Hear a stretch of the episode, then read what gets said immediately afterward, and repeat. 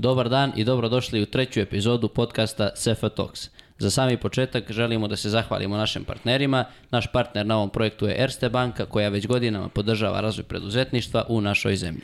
Tako je, Aleksa, oni to radi kroz dva sjajna programa, Korak po korak i platformu Erste Znali. Korak po korak je usmeren na razvoj socijalnog i startup preduzetništva kroz finansijsku, mentorsku i edukativnu podršku. Ersteznali.rs je program finansijskog opismenjavanja namenjen svim generacijama jer je ono ključno za ekonomski zdravo okruženje. Preporučujemo vam da podsjetite njihov sajt jer ćete saznati zanimljive činjenice koje vam mogu biti od koristi ukoliko razmišljate da razvijete neku vašu fantastičnu ideju ili da pročitate kako da uštetite novac za velike stvari. Tako Naš je. dan- Da kažemo na veliku zahvalnost na početku dugujemo Infinity Lighthouse-u, Srđanu Ercegu, Vanji i cijeloj našoj Sefi koja stoji iza ovog projekta. Naš današnji gost je Aleksandar Grašić. Aleksandar, dobar dan i dobrodošli. Hvala vam što ste se odazvali našem pozivu. Hvala vama na pozivu. Zadovoljstvo mi je da a, budem vaš gost i da podržim vaš projekat, tako da hvala najlepše. Super mi je ovde. Tek će da vam bude super. Radujem se. Da počnemo ovako, vi ste završili ste ekonomski fakultet, fakultet koji mi svi studiramo, pričat ćemo i o tome. Uh, sada ja nabrajam či- s time se, se, šta ste sve radili i šta ste prošli, izgubit ćemo pola emisije. Najbitnije je da kažemo da ste osnivač platforme za edukaciju Outliers, Da. koja i profila, da, excel.grasic, uh, na društvenim mrežama, koji ima preko 50.000 ovaj, pratilaca i ovaj, program taj vaš Microsoft Excela je za sada pohađalo oko 1000 i po uh, korisnika, ali tako? Tako je. E, to je ono početak. Mi ćemo da krenemo naravno od samog starta. Kako ste, ovaj, da li ste slutili da ćete time da se bavite u, u svom životu? Koje su bila neka vaša interesovanja kada ste bili mali dečak? I eto, da krenemo tako te neke osnovne srednje škole. Da, slažem se. Treba krenuti, treba krenuti odatle, s obzirom da sve to se nekako uveže, pa onda a, da za rezultat ono gde smo danas. A, I to sve je na neki način uticalo, a meni je eto zadovoljstvo da pričamo baš, a, da pričam sa vama koji ste studenti i da na taj način pričamo o preduzetništvu, da vidimo na koji način je to gradilo nas, odnosno mene u ovom, u ovom trenutku i koje sam ja to možda lekcije usvojio, pa da eto, podelimo kako sa vama, tako i sa a, ostalim slušalcima. A, što se tiče nekih mojih početaka, ja sam a, generalno u- okviru porodice bio okružen nekim preduzetničkim poduhvatima, pa je to ove, neko bilo stalno inspiracija da vidim kako to funkcioniše i onda držali smo ovaj prodavnicu koja se bavila a, prehrambenom robom i onda sam ja bio tu neki klinac koji se ovaj okretao po prodavnici i onda kada treba nešto da se ovaj da se usluže kupci ja sam tu da pomognem, kada treba da se ide u nabavku robe, opet sam ja tu da pomognem i onda sam uviđao kako ceo taj proces funkcioniše. E kao, moramo da odemo da nabavimo neku robu, pa onda moramo da ovaj, prodamo to nekim ljudima, ti ljudi dolaze svakog dana, ali kao, zašto, zašto dolaze kod nas? Zašto ne odu kod konkurencije? Pa kao, moraš na neki način da ih privučeš, moraš da ostvariš taj neki kontakt sa, sa kupcima i generalno sam, eto, od malih nogu bio okružen tim preduzetništvom, a onda kako sam, kako sam ovaj, rastao, kako sam završio posle fakultet, oprobao sam se u a, radu u okviru kompanija, puno toga naučio, ali sam se opet vratio u preduzetništvo da ovaj, nastavim to i eto, ovaj, osjećam se tu super i a, želim i na ovaj način da podstaknemo ljude a, da započnu neke svoje projekte i neke svoje ideje da realizuju. Ja. Da. Ovaj, ekonomski fakultet, posao, biznis, kako se to veže, da li, je, da li mislite da naš fakultet, ekonomski fakultet se dovoljno posvećuje ovaj, te strana preduzetništva, da li, da li zapravo postoje stvari koje bi podstakli nekog ovaj, da pokrene nešto svoje na našem fakultetu? Da, pa generalno, što se tiče preduzetništva, mora osoba da ima nekako to u sebi.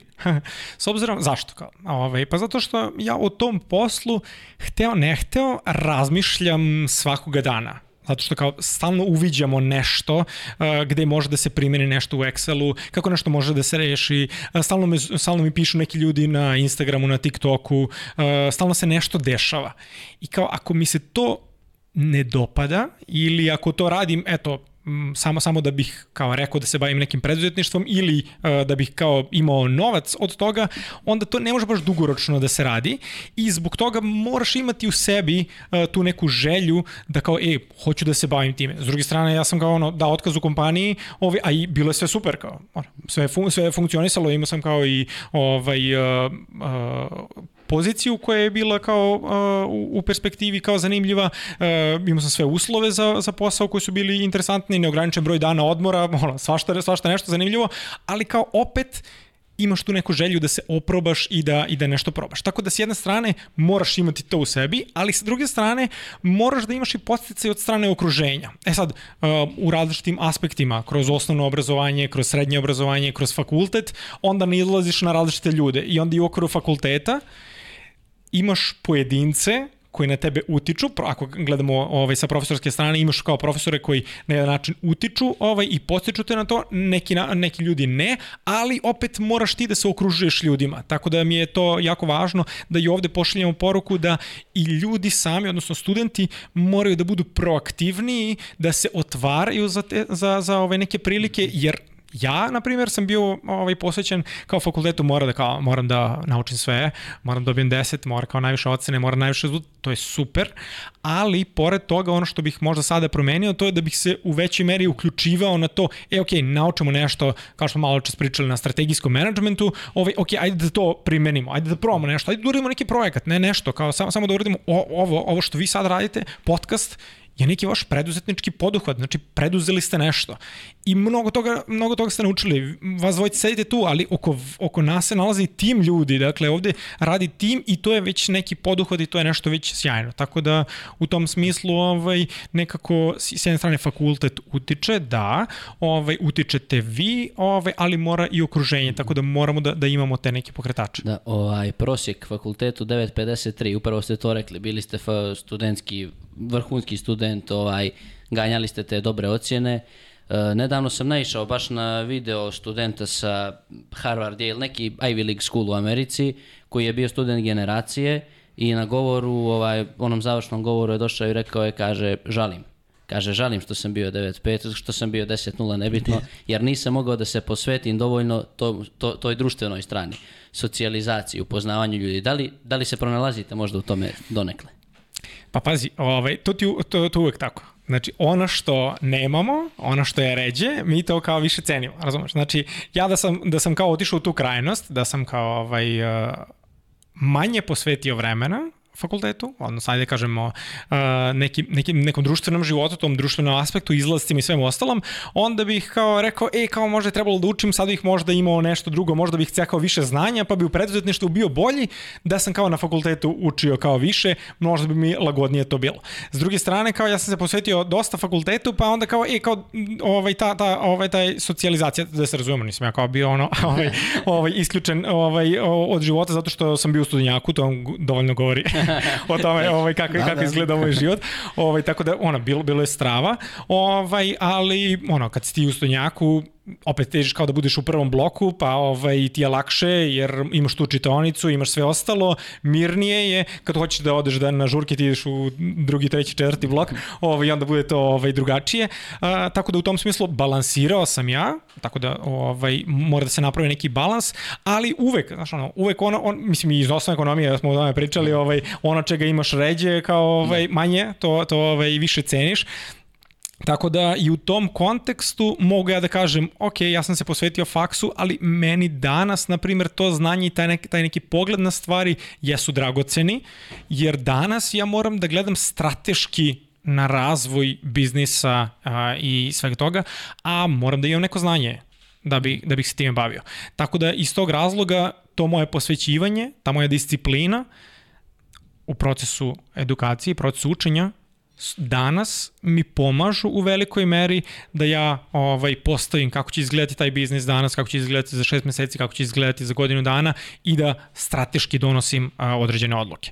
Tako da to jeste generalno ovaj, nešto što, što mi je pomagalo, a, što ne bih a, svakako, svakako menjao. Kažem, ono što bih menjao to je da bih pravio veći balans, da, da ovaj između toga da bih da takođe se povezujem sa studentima drugih fakulteta to mislim da je isto jako važno, da se povezujete sa a, studentima fakulteta organizacijonih nauka, da se povezujete sa studentima sa ETF-a, sa matematičkog, jer ne možete sve sami. Nije point, mislim, ne možemo kao, ako, ako govorimo, evo ja, na primjer, ako analiziramo to što ja radim, znači, ja imam kao, ono, a, profil na a, Instagramu, imam profil na TikToku, imam profil na LinkedInu, imam profil na YouTubeu. Znači, samo da pravimo sadržaj za to, da ga editujemo, to je ogroman posao s jedne strane. S druge strane, onda dođu ljudi, dođu klijenti i kažu, ok, hoćemo da kupimo tvoju edukaciju. Onda dođu oni, ali oni moraju da imaju vrhunsko iskustvo da bi želeli da pošalju još, još zaposlenih. E sad, ne možemo to sve sami da radimo, da bismo razvijali platformu. Ajde da angažujemo nekoga sa nekog drugog fakulteta ko, je se, ko se specializao to, ko razvija, na primjer, ovaj platformu, pa da on radi platformu, jedna osoba da radi marketing, ja da se bavim strateškim stvarima i da na taj način razvijamo. I zbog toga moramo, morate i vi međusobno ovaj, da, da se uvezujete, da se uh, pomažete i da testirate tvo svoje znanje kod određene hakatone, kod određene uh, kejsove, ovaj, studije studije slučaja, takmičenja, da na taj način i sebe testirate i ubacujete ovaj, u, ne, u neke realne a, situacije i tokove. Tako da eto, ja, ako bi nešto trebalo da menjam, pored toga što sam ono, učio, ovaj, težio bih i a, to i primeni. Tako da u tom smislu mislim da samo da ne očekujemo od možda fakulteta, ustanove ili, ili nekog drugog da nam nešto ovaj odradi, nego hajde da mi uradimo nešto. Hajde da mi organizujemo ovaj nešto kao, evo, vi ste radili, podcast, niko da vas nije pritiskao, ali vi ste istimali kao, ja, aj napravimo nešto. I započeli ste. Da. Tako da u tom smislu mi je ono važno ta proaktivnost. Da, inicijativa neka. Da. Eto, kad pričamo o vašem studiranju, mene pre svega zanima zašto ste baš upisali ekonomski fakultet? Da li je to bila prva želja, pošto znamo da ste kao mlađi bravili glumom i ovaj, A, zašto ste baš ekonomski fakultet upisali? A, ovaj, shvatili smo iz vaše priče ovaj, do sada da se nekajete uopšte, da bi smatrate da je to odlična odluka. Posle ste bili ovaj, uh, profesor, to pričat ćemo posle o tome. Da, da. Ali evo, za početak, zašto baš uh, ekonomski fakultet? Da, pa uh, u suštini to mu dođe neki logičan nastavak kada uh, ste u srednjoj ekonomskoj školi. Tako da ovaj, uh, ja još dok sam bio klinac kao, e, vidiš, ovde ćeš ti da ideš u školu, kao to je ekonomska škola, tu treba da ideš, posle toga ti ideš na ekonomski fakultet. Ovaj, s obzirom da uh, ja dolazim iz Kruševca, mm -hmm. Kruševac je manja sredina u kojoj imaš jednu ekonomsku školu, imaš jednu gimnaziju, jednu medicinsku, jednu muzičku, znači imaš po jednu školu i ovaj, samim tim kao moraš da izabereš neku od tih srednjih škola, ne, ne, nemaš kao ovaj, preveliki neki da. izbor da. i iz tog razloga, ok, kao ajde da vidimo šta ćemo da odaberemo sad, s obzirom da sam kažem bio uključen u neke te preduzetničke aktivnosti uh, porodično, onda e pa bilo bi kao logično da onda se uključimo opet u taj razvoj nekog posla, da idemo u pravcu ekonomije, brat da ide u pravcu prava, i kao ti si ekonomista, on je pravnik, to je budućnost, to ne, šta, kao to je to. Ovaj, Imamo sve pokriveno. Pa da, i to, to ti to kao, to je završeno. Ovaj, e sad, da, uh, i tu, tu, da, treba da pričamo isto o tom nekom razumevanju ili nerazumevanju od strane starijih generacija. Ajde kažemo roditelja. Roditelji uvijek imaju najbolju nameru ovaj, da, da ti pomognu u tom procesu. Mm, i pomažu ti na osnovu njihovog iskustva, njihovog mišljenja i njihovog praćenja nekih aktuelnosti. E sad, uh, roditelji žele da, da eto, ti ukažu, e, kao ti da se baviš ekonomijom, jer eto, možda je to kao najperspektivnije, brat da se pra, bavi pravom, možda je to ovaj, o, naj, najperspektivnije.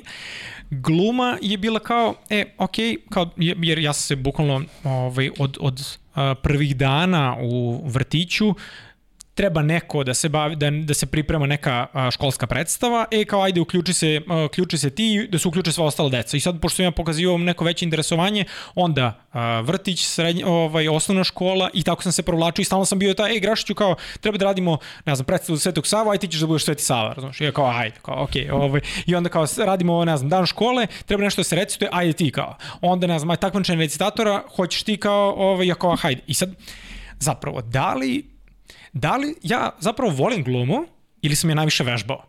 To je pitanje, razumeš? Zapravo su te ljudi ubacivali tako u te neke situacije gde si ti to najviše vežbao, razumeš? Da su me možda ubacivali ono u futbal, i da sam vežbao, razumeš, možda bih kao imao mnogo veću želju, na primjer, da se bavim futbolom, razumeš. Da su me ubacivali u neku, u neku, neku drugu aktivnost, možda bih njom, razumeš. Znači, pitanje je da li je to zapravo moj najveći talent ili su, me zap, su se zapravo situacije dešavale tako da sam ja ula, ulazio u glumu ovaj, najviše. Ali sve u svemu, ovaj, ja sam uh, se bavio glumom, I ona je bilo onako jako interesantna stvar, smo nešto organizovali tu i kroz a, osnovnu i kroz srednju školu i bilo je super. Ali uh, nije tu bilo oko mene ljudi gde sam ja mogao da vidim kako izgleda ta, to biti glumac posle određenog broja godina. Znaš, ti vidiš, vidiš kao neki ljudi na TV-u, razumeš, ali ti si u Kruševcu i nemaš ti mogućnost da kao ono, vidiš određenog glumca, kao što čuješ Sergij Četković iz Krušta kao Strava, super, ti čuješ, vidiš Čkalju kao, e, Strava, super, dolaze ti ljudi i kao, e, oni su kao, wow, kao Strava, ali ti sa njima ne popričaš kako izgleda ceo taj proces, razumeš? I imao sam ja sjajne ljude, ovaj, na primjer u Kulturnom centru Kruševac, sa kojima sam radio, koji su meni dosta pomagali da ja, kod oko mogu javnog nastupa i svega ostalog, ali opet ne sedneš ti sa glumcem, razumeš, da popričaš, e, kako izgleda ono, tvoj dan, kako ti dobijaš uloge, razumeš, kako, kako ide ceo taj proces, kako izgleda proces e, na, na, na fakultetu, razumeš. I onda zbog toga što to ne znaš, onda, ovaj, znaš, nesiguran si. I onda kad ti neko priča, e, ti treba da ideš na ekonomiju od glume, nema vajde, kao, a, ti treba da ideš na pravo od, ono, ne, ne, ne, nema potrebe da razmišljaš tome, ovo ti je kao najbolja stvar za tebe, onda tebi neko podsvesno stalno, e, pa možda ta gluma ipak nije za mene, razumeš?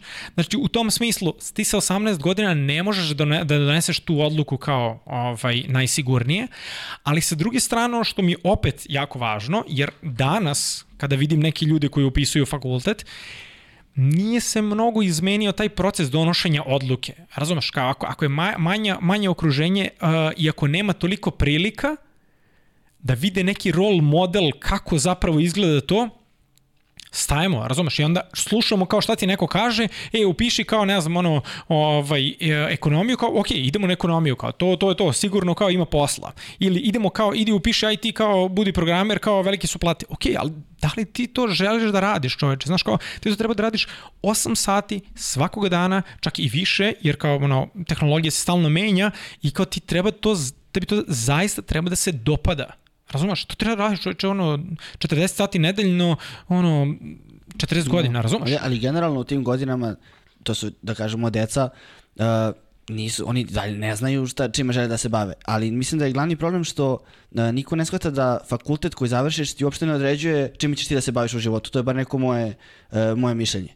Ovaj, nemam pojma, na primjer Memedović, da. ovaj čovjek završio div, radi kao voditelj na, na RTS-u. Naveo sam ga sad kao ovaj jasno, primjer. Jasno, jasno, da. Uh, znači, dosta da kažem mm -hmm. da mhm. uopšte ne mora da da znači da dosta ljudi upisuju fakultet čisto kao eto, upisao je karta za ulazak u taj neki svet gde su ovaj ljudi koji su isto završili fakultet i otvaraju se ovaj više vrata se otvara kada uđeš u taj svet.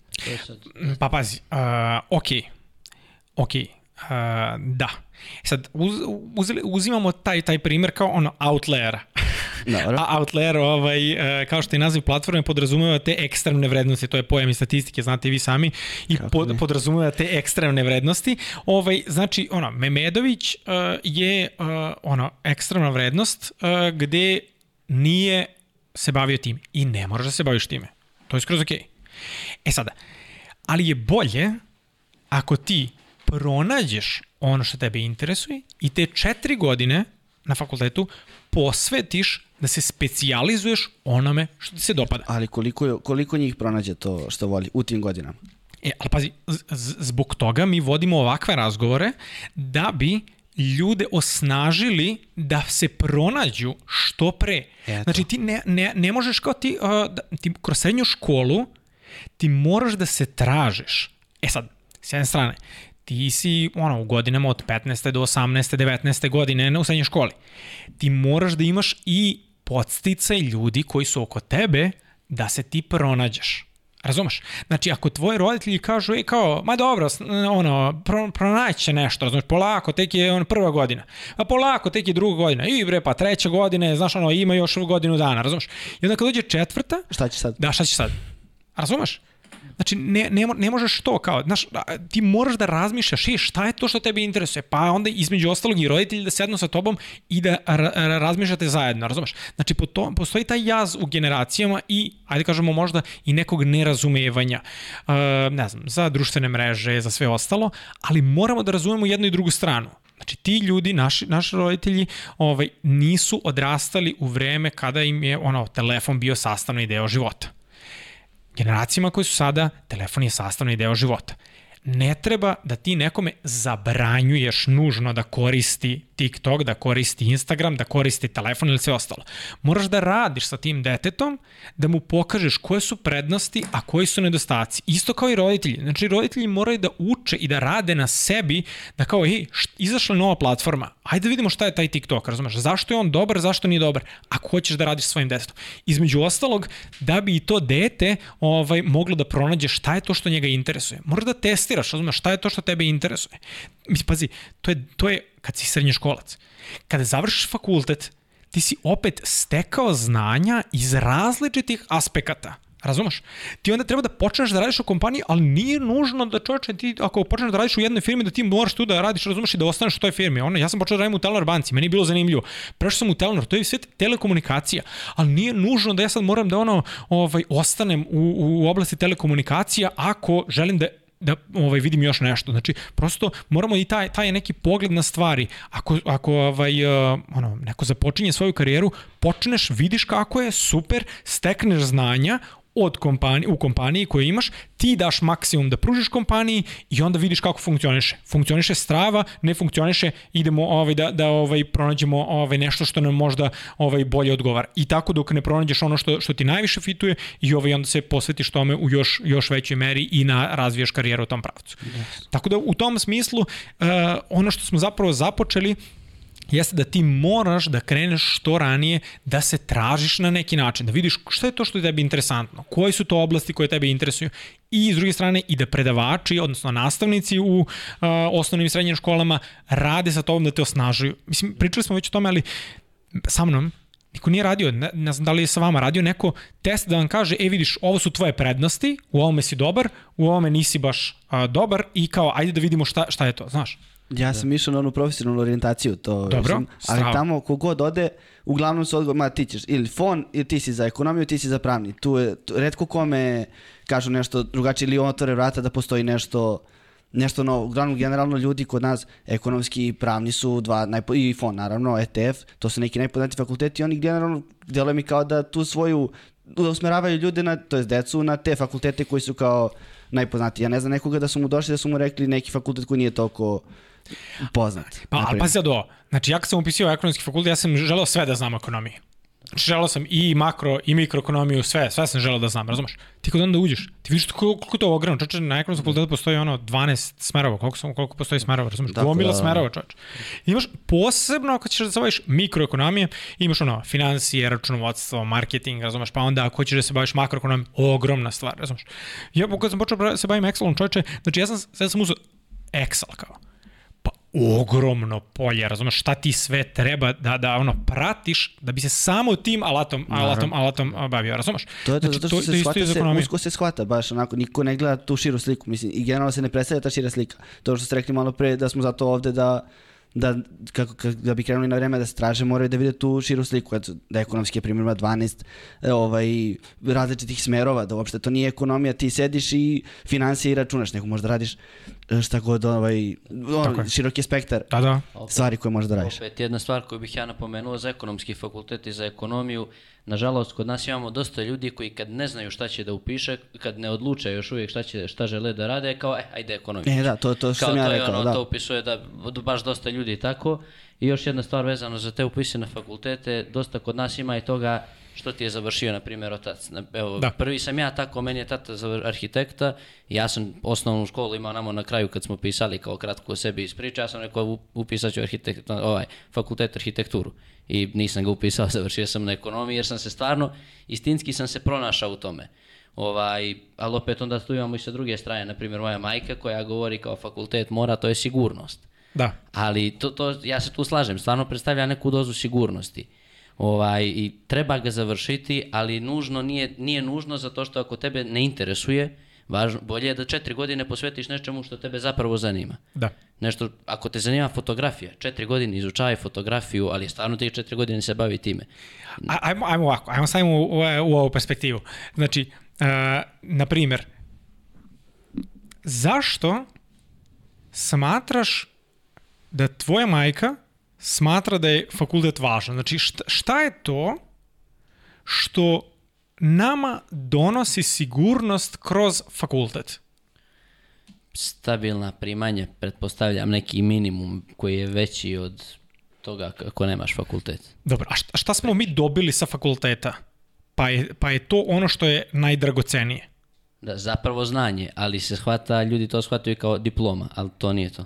Pa pazi, uh, uh, sad, šta, šta hoću da ti kažem, znači, a, fakultet, bez obzira koji god daje, jeste ustanova u kojoj ti stičeš znanje i specijalizuješ se za određeno zanimanje i onda kada izađeš na neko tržište rada, ti onda imaš specijalizovan set veština za koje, koje neko hoće da plati. Razumeš? E sad, da li ti to znanje stičeš na ekonomskom fakultetu? Da li stičeš kroz određene kurseve ili edukacije uh, samostalno što radiš?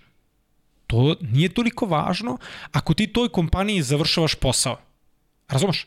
E sad, postoji naravno rangiranje, uh, jer sad, u, u smislu, možemo da kao gledamo da li je nama potreban fakultet, razumeš? Ili nije. Da li uh, možemo to samostalno da radimo ili ne. To je isto, to je isto pitanje, prosto da, da ono, razmislimo o svemu tome. Sad, šta ti donosi fakultet? Fakultet ti pored znanja donosi određenu dozu discipline i fokusiranosti u period od 4 godine. Jer ti se kao osoba razvijaš. Znači, pogledajte sebe u prvom, prvom, pr, prvog dana na fakultetu i pogledajte sebe danas, sigurno ste napredovali kao osobe.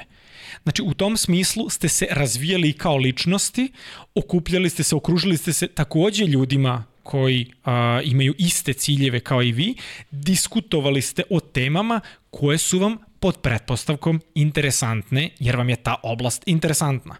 E sada, ako ti želiš da budeš najbolji fotograf, znači samo se ono laserski fokusiraj na to da budeš najbolji fotograf, radi na sebi i ljudi će želeti da te zovu da im budeš fotograf.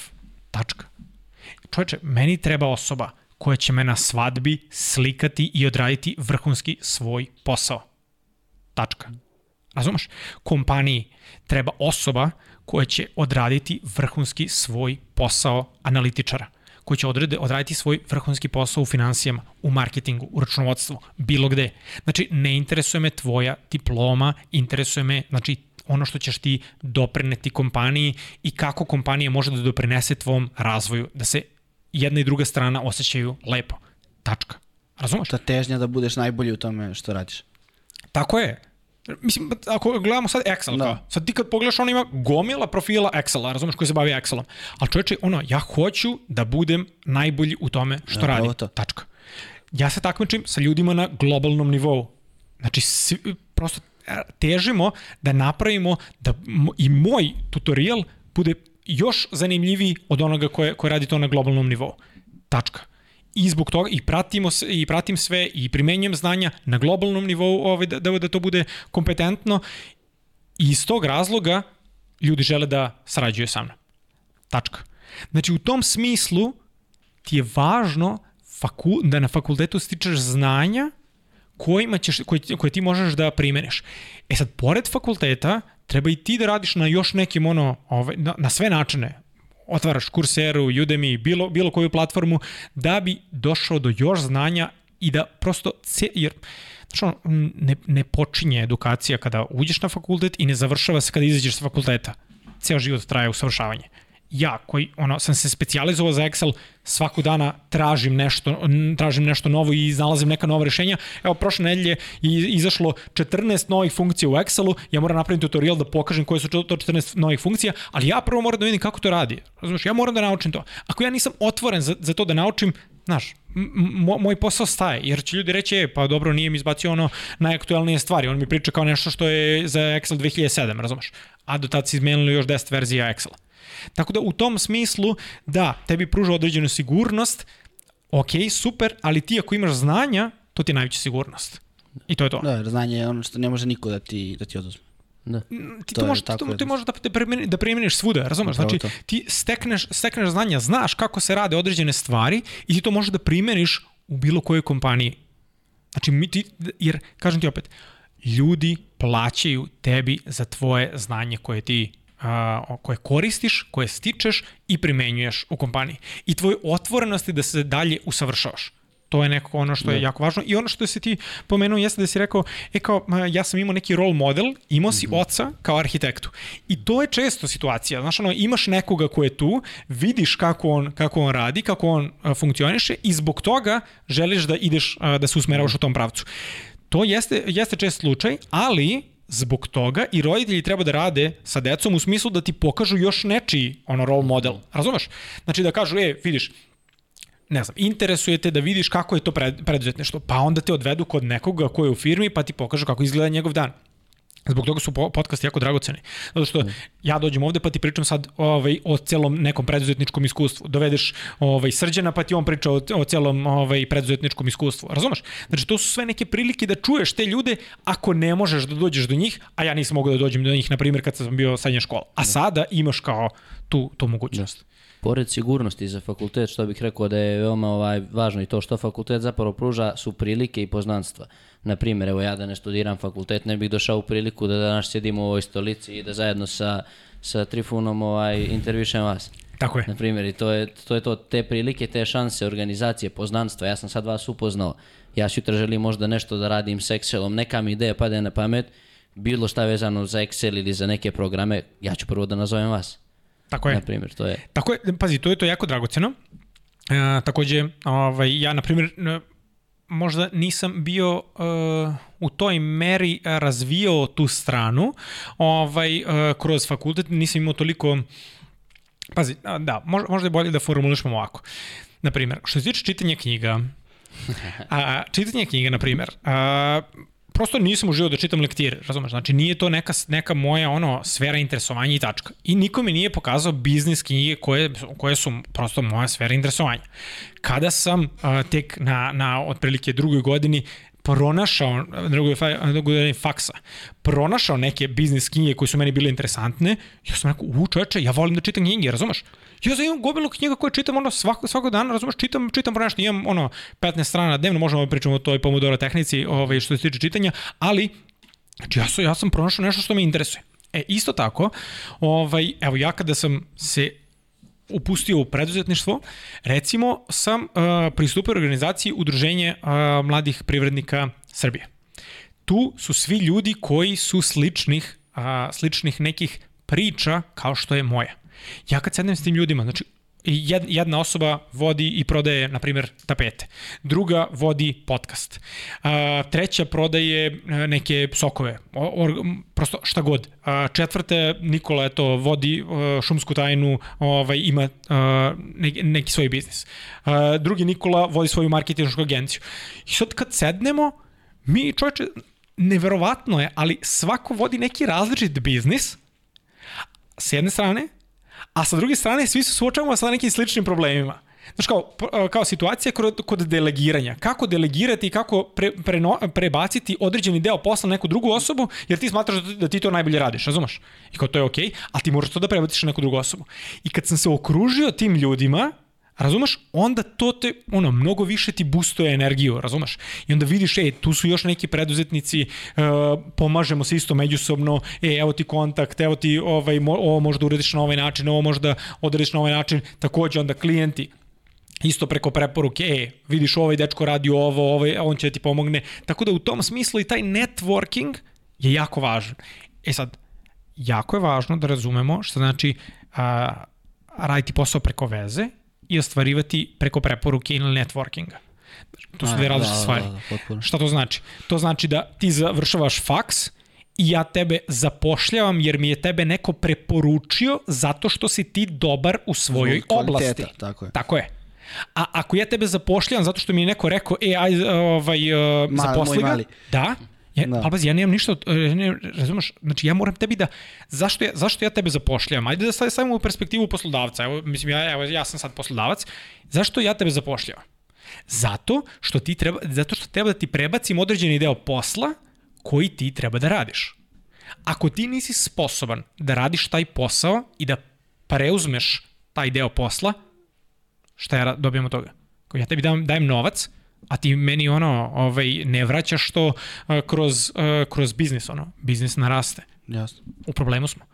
A ako ovaj, meni Aleksa kaže, e, vidiš, ovaj, uh, ja imam Trifuna koji može da, da, da ovaj, reši to, on je dobar u Excelu, e, ovaj, mislim da on može da se, da se priključi tebi i da onda možete kao ovaj, zajednički da radite. I ja kao, u, strava, ajde dođi čoveče da radimo zajedno, razumeš? To je, to je to sam baš i vidio, čak to sam, mislim, čak i u prošloj, prošloj emisiji pomenuo, ovaj, baš mi je to iskočilo vezano za upravo taj networking, da je najbolji zapravo, najbolji način da, da, da se tako ti ukružuješ i da se družiš, tako što ćeš ti nekome da pružiš nešto kvalitetno i da će on tebe da preporuči nekom, da se to na tom principu zapravo, ne, da se to radi tako u suštini. Ali pazi, znači, poenta je da mi razmenjujemo, znači svako se specijalizovao za nešto, svako u svojoj oblasti je najbolji i onda to razmenjujemo. Razumeš? Znači, ne treba ti ako, ne znam, se baviš sad, uh, razvijaš svoj biznis, imaš, ne znam, knjigovodstvenu agenciju, i sad, zašto bi ti uzeo i razvijao neko svoje rešenje, na primjer, za praćenje svog, svog poslovanja, i sad u, ono, učio Excel od nule, primjenjivao sve i sve ostalo, kada možeš da uh, uzmeš i da, recimo, kroz platformu kod mene, naučiš kako se to radi, tvoj zaposleni dođe i primeni to znanje ili moj tim i ja ti ovaj, implementiramo rešenje. I kao, e, ja ti kažem, e, čoče, imam, imam, imam čovjeka koji može to da reši. I on ti reši. Tačno. To je to. Čoče, ja sam zahvalan ljudima koji mi preporučuju ljude gde možemo međusobno da se povezujemo. Znaš, nije, nije poenta kao sad da ja tragam kao i da izmišljam nešto, nego ti, ti pozoveš mene, e, ili imaš nekoga za, ne znam, marketing, ja ti kažem, e, imam, evo, izvoli, ovaj, ono, vi zovete neko tako ste vi, ovaj, e, treba da snimamo negde podcast, ajde vidimo da, da nađemo prostor, iscivamo par ljudi, jel ima neko nešto, dođite, snimate. To je to.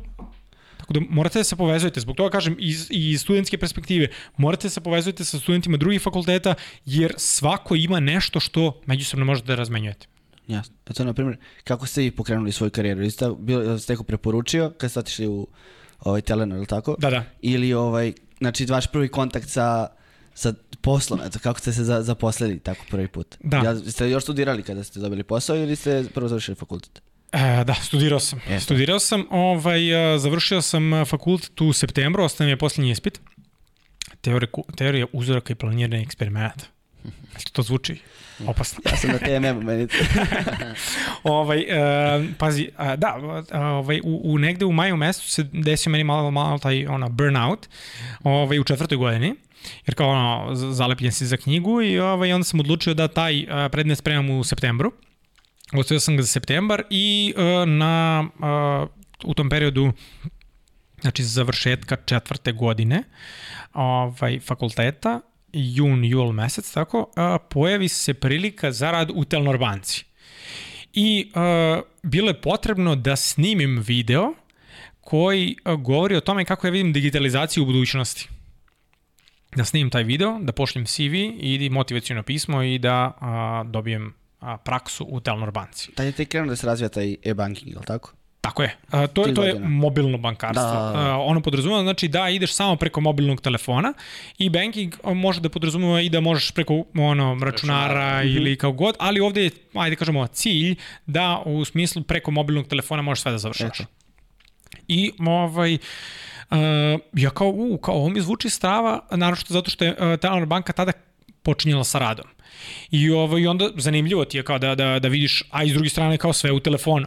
I ovaj, ja snimim neki video, a, nema sada da vam pustim, ali ono, podelit ću. Znači, to, to je ono baš baš, baš ovaj, e, zanimljivo. Uh, jer to, to, to, su, to su ti početci i to, to je ovaj, isto važno. Ovaj, vi kad budete, ne znam, za, za 100 epizoda gledali prvu, vi ćete reći, jo, gledaj kao, kako smo ovo snimali i sad isto, ovaj, vjerovatno, ali ovaj, kada, kada to pogledaš, uvek ti početci ovaj, budu onako ovaj, zanimljivi i ja tad kad sam to snimao, ovaj, sad kad pogledam iz te perspektive, to je, znaš, ja sam se obukao kao košulja, pa onda pantalone, pa onda sam stao ispred neke zgrade, biznis zgrade, razumeš, pa kao da to bude ozbiljno, pa sam snimao nekim telefonom, razumeš, ono, ne čuje se ništa, to krči, a ovaj automobili prolaze, ovaj, ali a, nema veze, ja sam se potrudio da to predstavi na što zanimljiviji način.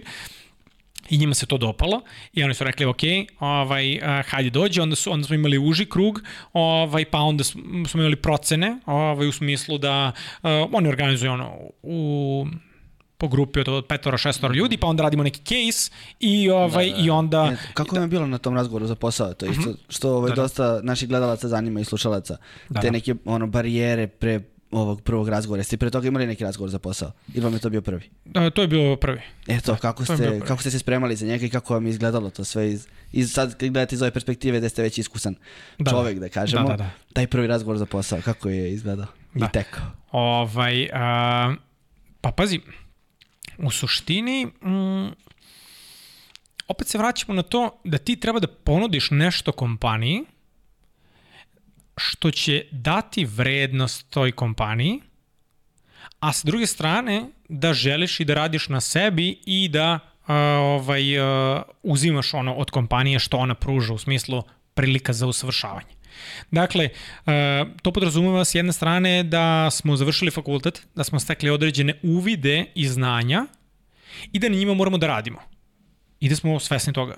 Dakle, nismo završili fakultet samo eto, ok, ok, napunili smo se znanjem i kao strava, sad smo ono, imamo sve što nam treba i kao sad hoću da radim i da primenjujem ovo što sam naučio. Iz prostog razloga što ima ogroman, uh, ogroman set stvari koje dalje moramo da ovaj, premenjamo. Tako da nam, to je prva stvar koju bih dao kao savet, otvorenost da kažemo, e ok, ja dolazim sa ekonomskog fakulteta, završio sam statistiku, informatiku i kvantitne financije, na tom, na tom ovaj, smeru mi se dopalo to, to, to i to, dolazim u Telnor banku zato što mi se sviđa to mobilno bankarstvo, sviđa mi se razvoj digitalnih ovaj, usluga, sviđa mi se analiza podataka i mislim da bih se pronašao u sektoru analize korisnika podataka i generalno obavljanja data science-om u vašoj kompaniji. Znači, to je dovoljno da, da kompanija kada sedne sa tobom kaže, e, ok, ova osoba uh, je svesna da uh, ovaj, ima prostora da se dalje razvija i želi da dobije od nas ovaj prostor za uh, to usavršavanje. Tako da to, to je ovaj prva stvar, znači taj stav i ta otvorenost. Da mi moramo da radimo na sebi i da se razvijamo. Kažem ti ja danas isto radim na svom razvoju i unapređenju. Naravno. Da. E sad, što se tiče tih ulaznih, uh, ulaznih stvari, ti uh, ne možeš baš mnogo da ponudiš. Uh, jer, na primjer, sad, uh, ti si na početku rekao je kao sad kad čitam u tvoj CV kao mogu bi da čitam 15 minuta, razumeš? Da, ali to nije bilo tako uh, kad, Naravno, kad, da, kad sam bio na početku, razumeš? E sad, ti moraš da ponudiš nešto, jer istovremeno je još 100 ljudi završilo uh, isti fakultet kao i ti i ne znam, još 15 ljudi, 15 ljudi je završilo isti smer kao i ti. I ko, po čemu se razlikujete? Što? Razumeš? Zašto, zašto ti? To znači, kao prosek, ok, šta govori prosek? Prosek govori koliko si ti spreman da se cimaš oko određenog zadatka koji ti bude dodeljen. To znači da ako ti ja dam određeni zadatak, da ću ja na skali od 1 do 10, da dam 9 i po sebe, ajde kažemo koliko je moj prosek, da rešim taj problem. Razumeš? Dakle, neću ići, e kao samo da pređem tu granicu, razumeš, i da bude samo dovoljno, razumeš? Znači, eto, možda ja to gledam iz te perspektive. Znači, aj kažemo, prosek ti daje taj, ne, taj neki utisak koliko je ta osoba spremana da grize da bi rešila određeni problem. Ne govori to o tome koliko, koliko ti znanja imaš, jer prosto svako ko izlazi sa ekonomskog fakulteta sa različitih smerova ima određeni set znanja i to je ovaj super, razumeš? I mora još da uči o tome, ali prosek je to ovaj ajde kažemo ta smernica koja ti daje koja koja onome ko gleda kad ja pogledam tvoj tvoj CV i vidim um, visok prosek, to znači da si ti težio, znači ne mora da bude 10-0, razumeš, nije, nije poenta, ovaj, samo da bude ono, ovaj, veći prosek, jer ti on onda daje, uh, ovaj, uh, pokazuje ti da ta osoba šta god da je radila, težila je da ga uradi maksimalno. E sad, ako ti ovaj, uh, nemaš uh, više prosek, uh, to znači da ti si imao neke druge stvari skoro legitimno. A, imao si neke druge aktivnosti. Ajde da vidimo šta si ti radio. išao sam na work and travel. Sad ljudi, jao, imao sam pauzu, work and travel, razumeš, neću to da stavimo u CV. Kako nećeš da staviš, to je najbolja stvar koja mogla da ti se desi, čoveče. Išao si ono šest meseci i vežbao si engleski, razumeš? i radio si u nekom drugom okruženju i radio si u Americi. I kompaniji kad treba neko da im, da im radi za ono strano tržište, ovaj, imaju studenta koji može odmah da krene da radi za, za strano tržište i poznaje američko tržište. Pa najvredniji si čoveče, razumeš? Znači, ajde da vidimo, ok, nisi se bavio ovaj, možda fakultetom, u smislu u toj meri, imao si neke side aktivnosti, strava, šta si radio? Razumeš? Upiši to i predstavi onda. Znači, opet, moraš da radiš na sebi da znaš da se prezentuješ. Znači da, da se prodaš. Eto. Čoče, moraš, moraš da se predstaviš. Znači dolaziš i kažeš, e, ja sam uh, Aleksandar, dolazim sa ekonomskog fakulteta, završio sam to, to, to i to. Pored toga što sam bio na fakultetu, vodio sam um, ovaj podcast uh, Sefa Talks. Uh, to možete pogledati na uh, Sefa stranici da vidite ovaj, šta sam ja odradio. I ti pokaže svoj portfolio šta si sve odradio. Znači, spremi neki portfolio. Ako si bio na work and travelu, ovaj, stavi te stvari ovaj, i onda stavi šta ti je to bilo najzanimljivije, šta si naučio zašto je to korisno tebi?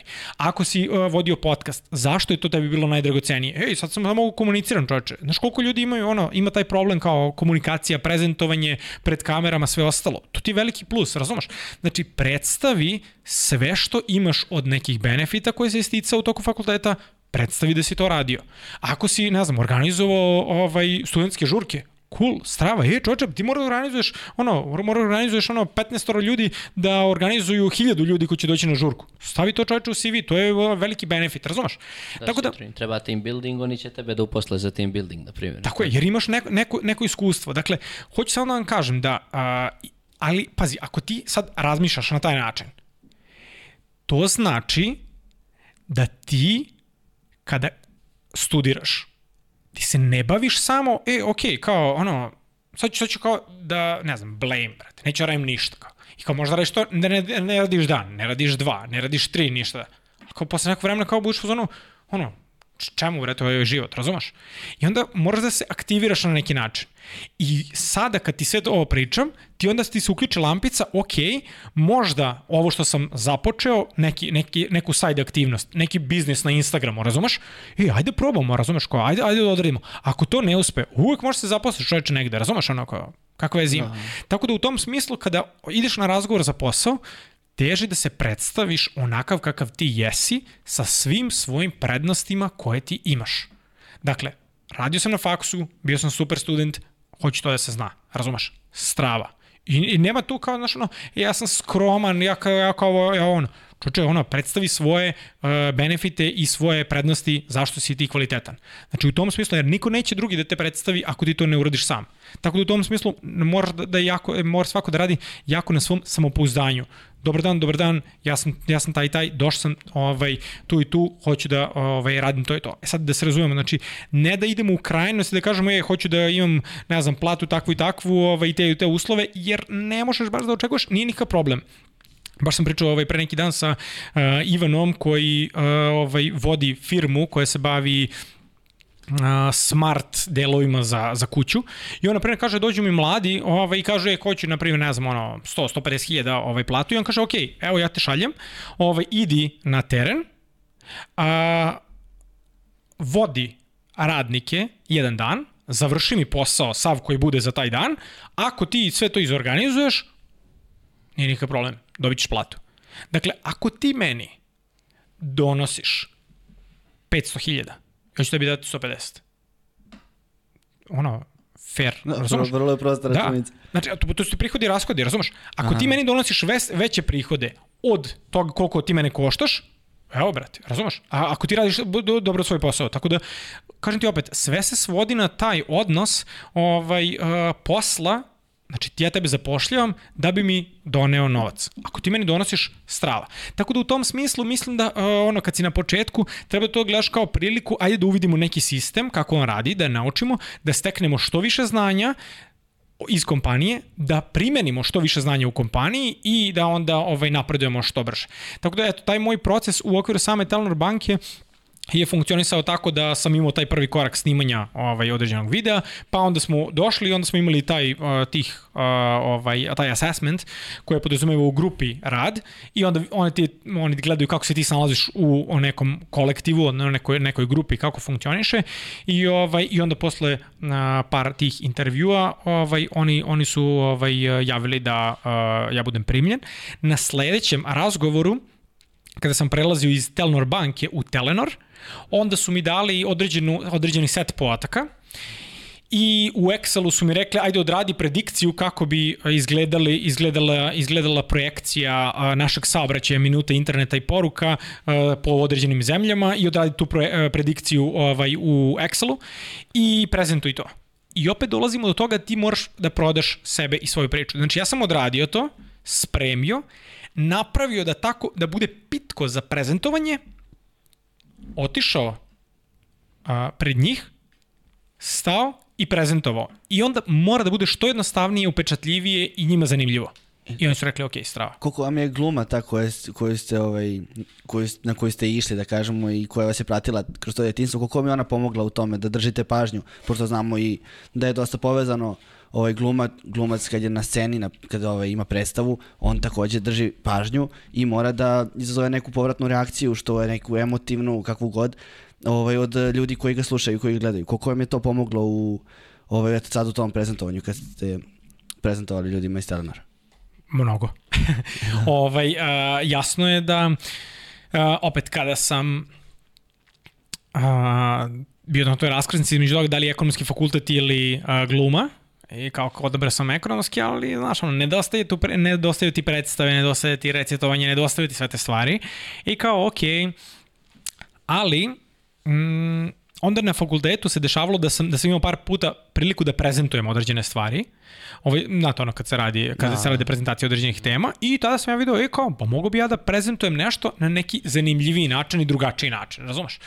I, ovaj, I to mi je bilo onako jako, jako interesantno i onda sam zbog toga i dobio želju kao, i posle toga mogu bi ja da ostanem na fakultetu jer me interesuje taj istraživački deo, a s druge strane ovaj, uh, i taj rad sa, sa ovaj, uh, studentima, ajde kažemo, bilo kime ko, ko ovaj, sluša to, I u trenutku kada sam ja uh, započinjao u Telenor banci, to je imalo ono, veliki uticaj, zato što sam ja izašao pred njih i ovaj, imao sam tremu, naravno, ali sa druge strane sam uh, odavao utisak da uh, mogu to da iznesem sa jedne strane, a sa druge strane, i to je isto jako važno, uh, kroz fakultet naučiš da razdvajaš bitnije od manje bitnog i da poentiraš na lak način, razumeš? Sad, Eto. pazi ovo, ja sam uh, došao na, na uh, mi smo imali posle određenog uh, broja nedelja rada na tom projektu u Telnor banci. Cilj je bio da mi prezentujemo naš, naš rezultat. Cilj je bio kao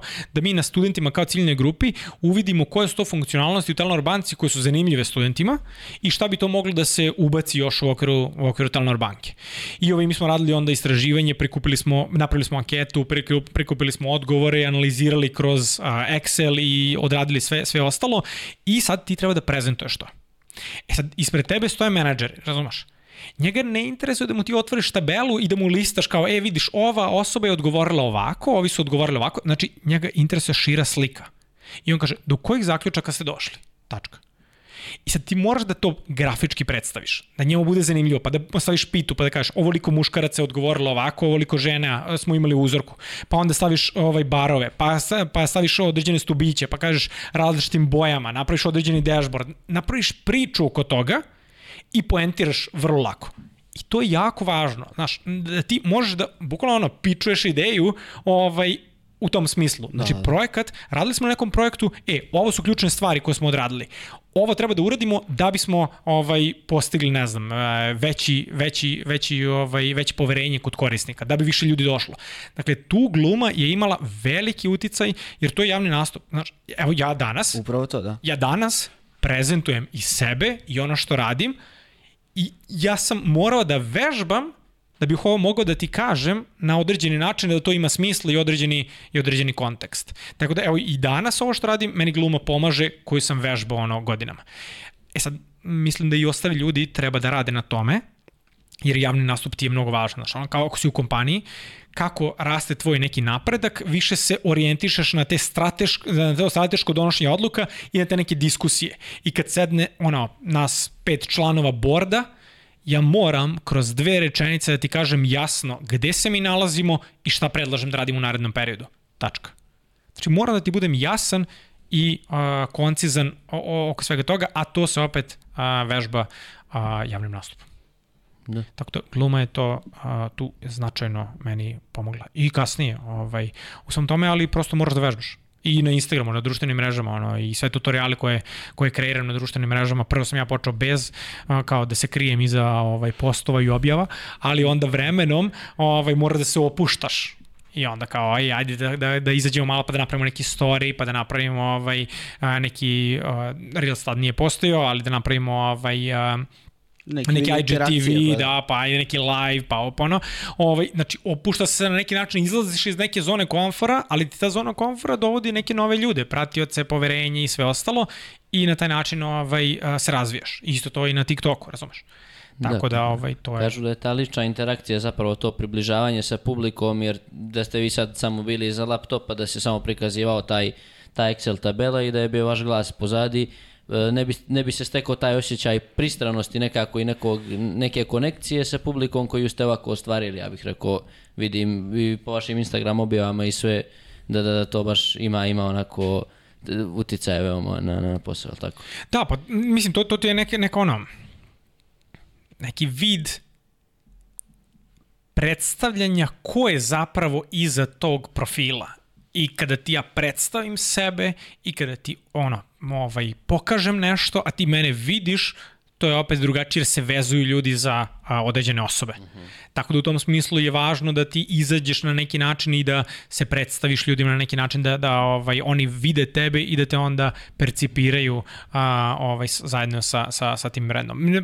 Naravno, nije nužno, nije nužno, ovaj, ali uh, ima, ima eto, benefita u nekim, uh, nekim vrstama posla. Između ostalog, kako pričamo o ovakvom odnosu na društvenim mrežama, ljudi vole da, uh, jer ima, bukvalno kao ti stojim ti ovde na ekranu, razumeš, ti imaš da, osjećaj da. kao da pričaš sa mnom.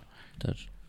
Ovako, kurs, vaš posao, odnosno Excel, to, to je sad već ozbiljna firma i sve, koji, je, koji je tu proces, je to, to je započelo kao kurs, je li tako? Ili je ovako da. išlo? E, ka, koji je to moment uh, prerastanja iz kursa već u, u firmu, da kažem, onako, i kad ste se vi odlučili zapravo za taj korak i sad taj proces od kursa do firme, do sada, kako, kako je to funkcionisalo, koji je tok? Tako kako je tekla vaša karijera posle te prezentacije? U Telenoru, šta se dešavalo između toga. Tako je, da. Znači, da, od, od tad do osnivanja ovog e, kursa, šta se između toga? Ja vam da. persiram i taj, izvini. Ne, ne, ne. Mi smo dogovorili pre emisije, to moram da, da kažem, nego vi, počeo sam da persiram i onda mi sad glupo da se da, vratim da, da. na, na ti. Ma da, naravno, ovaj, uvek, uvek ovaj, možemo na ti treba, prosto, ovaj, ali, ono, nije nikakav problem. Tako da, da. Uh, suštinski, m, nije cijela ta stvar došla uh, kao, e, kao sinula mi ideja. -hmm. Jer uh, ja sam se bavio Excelom kroz osnovnu školu na neki način, znači išao na takmičenje iz informatike, Ove, onda sam kroz srednju školu opet išao na takmičenje iz informatike i koristio taj Excel i stalno nešto radio sa njim. Onda sam otišao na fakultet pa sam to u određenoj meri imao prilike da a, koristim. Kad sam završio fakultet, onda sam krenuo da radim ovaj, u tom Zelenor banci i onda su rekli, e, ok, znači, evo, bukvalno izgledalo ovako. Ok, super, danas je vaš prvi dan u ovaj, Telenor banci, strava, dobrodošli. Uh, podelit ćemo se u tri tima. Jedan tim, evo, ovaj, Aleksandre, uh, ti ćeš biti zajedno sa Nevenom. Nevena je završila uh, statistiku na matematičkom fakultetu, ti si završila statistiku na ekonomskom fakultetu. Mi smatramo da biste vi bili sjajni, da vi radite na jednom projektu, a taj projekat podrazumeva da uh, nađete studente kao ciljnu grupu, da ih ispitate, da prvo vidite kako radi naša aplikacija Telnor banke. Evo možete da pristupite, imate neograničen novac, tako da ovaj na na Telnor banci to je demo nalog. Ovaj i ima, možete da se igrate da ispitate sve funkcionalnosti koje ima Telnor Telnor banka, da smislite šta bi to bilo zanimljivo našim našim studentima i uh, da napravite anketu, da ih anketirate, uh, da dođete do određenih zaključaka i da nama prezentujete uh, šta su studenti rekli, šta bi to ovaj bilo što, ono što bi se njima dopalo ili ovaj zašto bi oni koristili uh, Telenor banku. Eto, dajte vi uh, nama taj uh, ovaj feedback, imate mesec dana da to odradite. To je to. I onda ti moraš da se baciš u vatru i da kreneš da radiš na tome. I onda otvaraš Excel, uh, prisjećaš se svog znanja sa fakulteta kako, kako da napravimo anketu, kako da odradimo nešto i zbog toga kažem, bolje je bilo da smo taj proces nekako simulirali u toku faksa, nego da dođeš da. ono na gotovo, razumeš? Znači ti možeš i da dođeš sa određenim portfolijom, na primer, e, radili smo to i to istraživanje, uh, radili smo tu i tu anketu kroz faks i onda kada ideš na svoj prvi razgovor za posao, ti kažeš, e, radili smo ovo, radili smo ovo, radili smo ovo i izbaciš neki svoj portfolio. I onda, i onda mnogo veći, mnogo veći, mnogo veći ovaj, uh, prosto šanse sebi povećavaš. E sad, to se radilo u Excelu. Ano, u Telnor banci to, sam to radio u Excelu. Onda sam nastavio da radim u Telnoru, prešao sam iz Telnor banke u Telnor i onda je to bio izlazak iz malo zone komfora jer prelaziš u telekomunikacije, ali opet vidiš da se to koristi ovaj, u Excelu i da se radi ta analiza interneta, poruka i minuta kroz Excel i onda kažeš ok, super, ajde moramo da vidimo ovaj, uh, uh, prosto kako možemo sad to u kontekstu telekomunikacije da primenimo. Pa nakon toga sam počeo da radim na a, fakultetu, pa smo kreirali određeni kurs opet Excela na fakultetu i ovaj, kada sam ja izašao sa fakulteta, onda sam pokrenuo a, na društvenim mrežama, sam krenuo da, da, taj, da napravim a, profil Excel Grašić i onda sam krenuo sa Instagramom, sa YouTubeom, sa a, Facebookom, sa LinkedInom, a, dodao sam posle toga TikTok i onda sam krenuo sadržaj da delim na društvenim mrežama.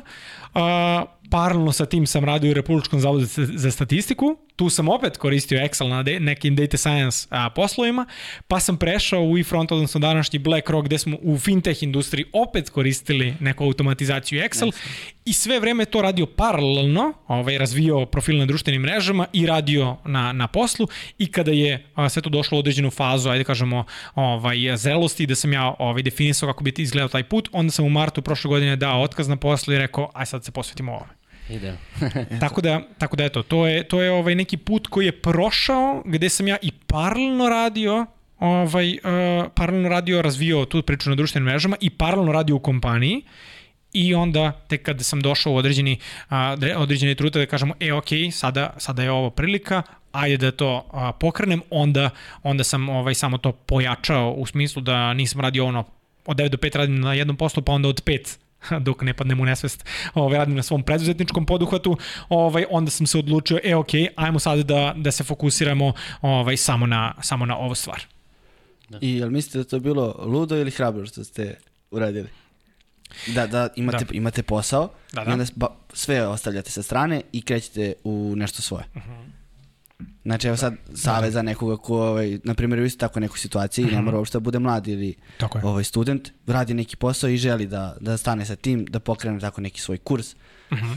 ovaj, kako, kako ste se odlučili definitivno ste rekli, jer prošlo je dosta godina od kad ste vi počeli kao to da radite sa strane, dok niste presekli i rekli to je to, krećem sad sigurno sa tim. Tako je. Uh, znači, tako je. šta je to što, ovaj, što, što vas je navalo da presečete definitivno i kažete, e, sad je kraj, krećem s ovim. Ok, da, da. Uh, da, sjajno pitanje.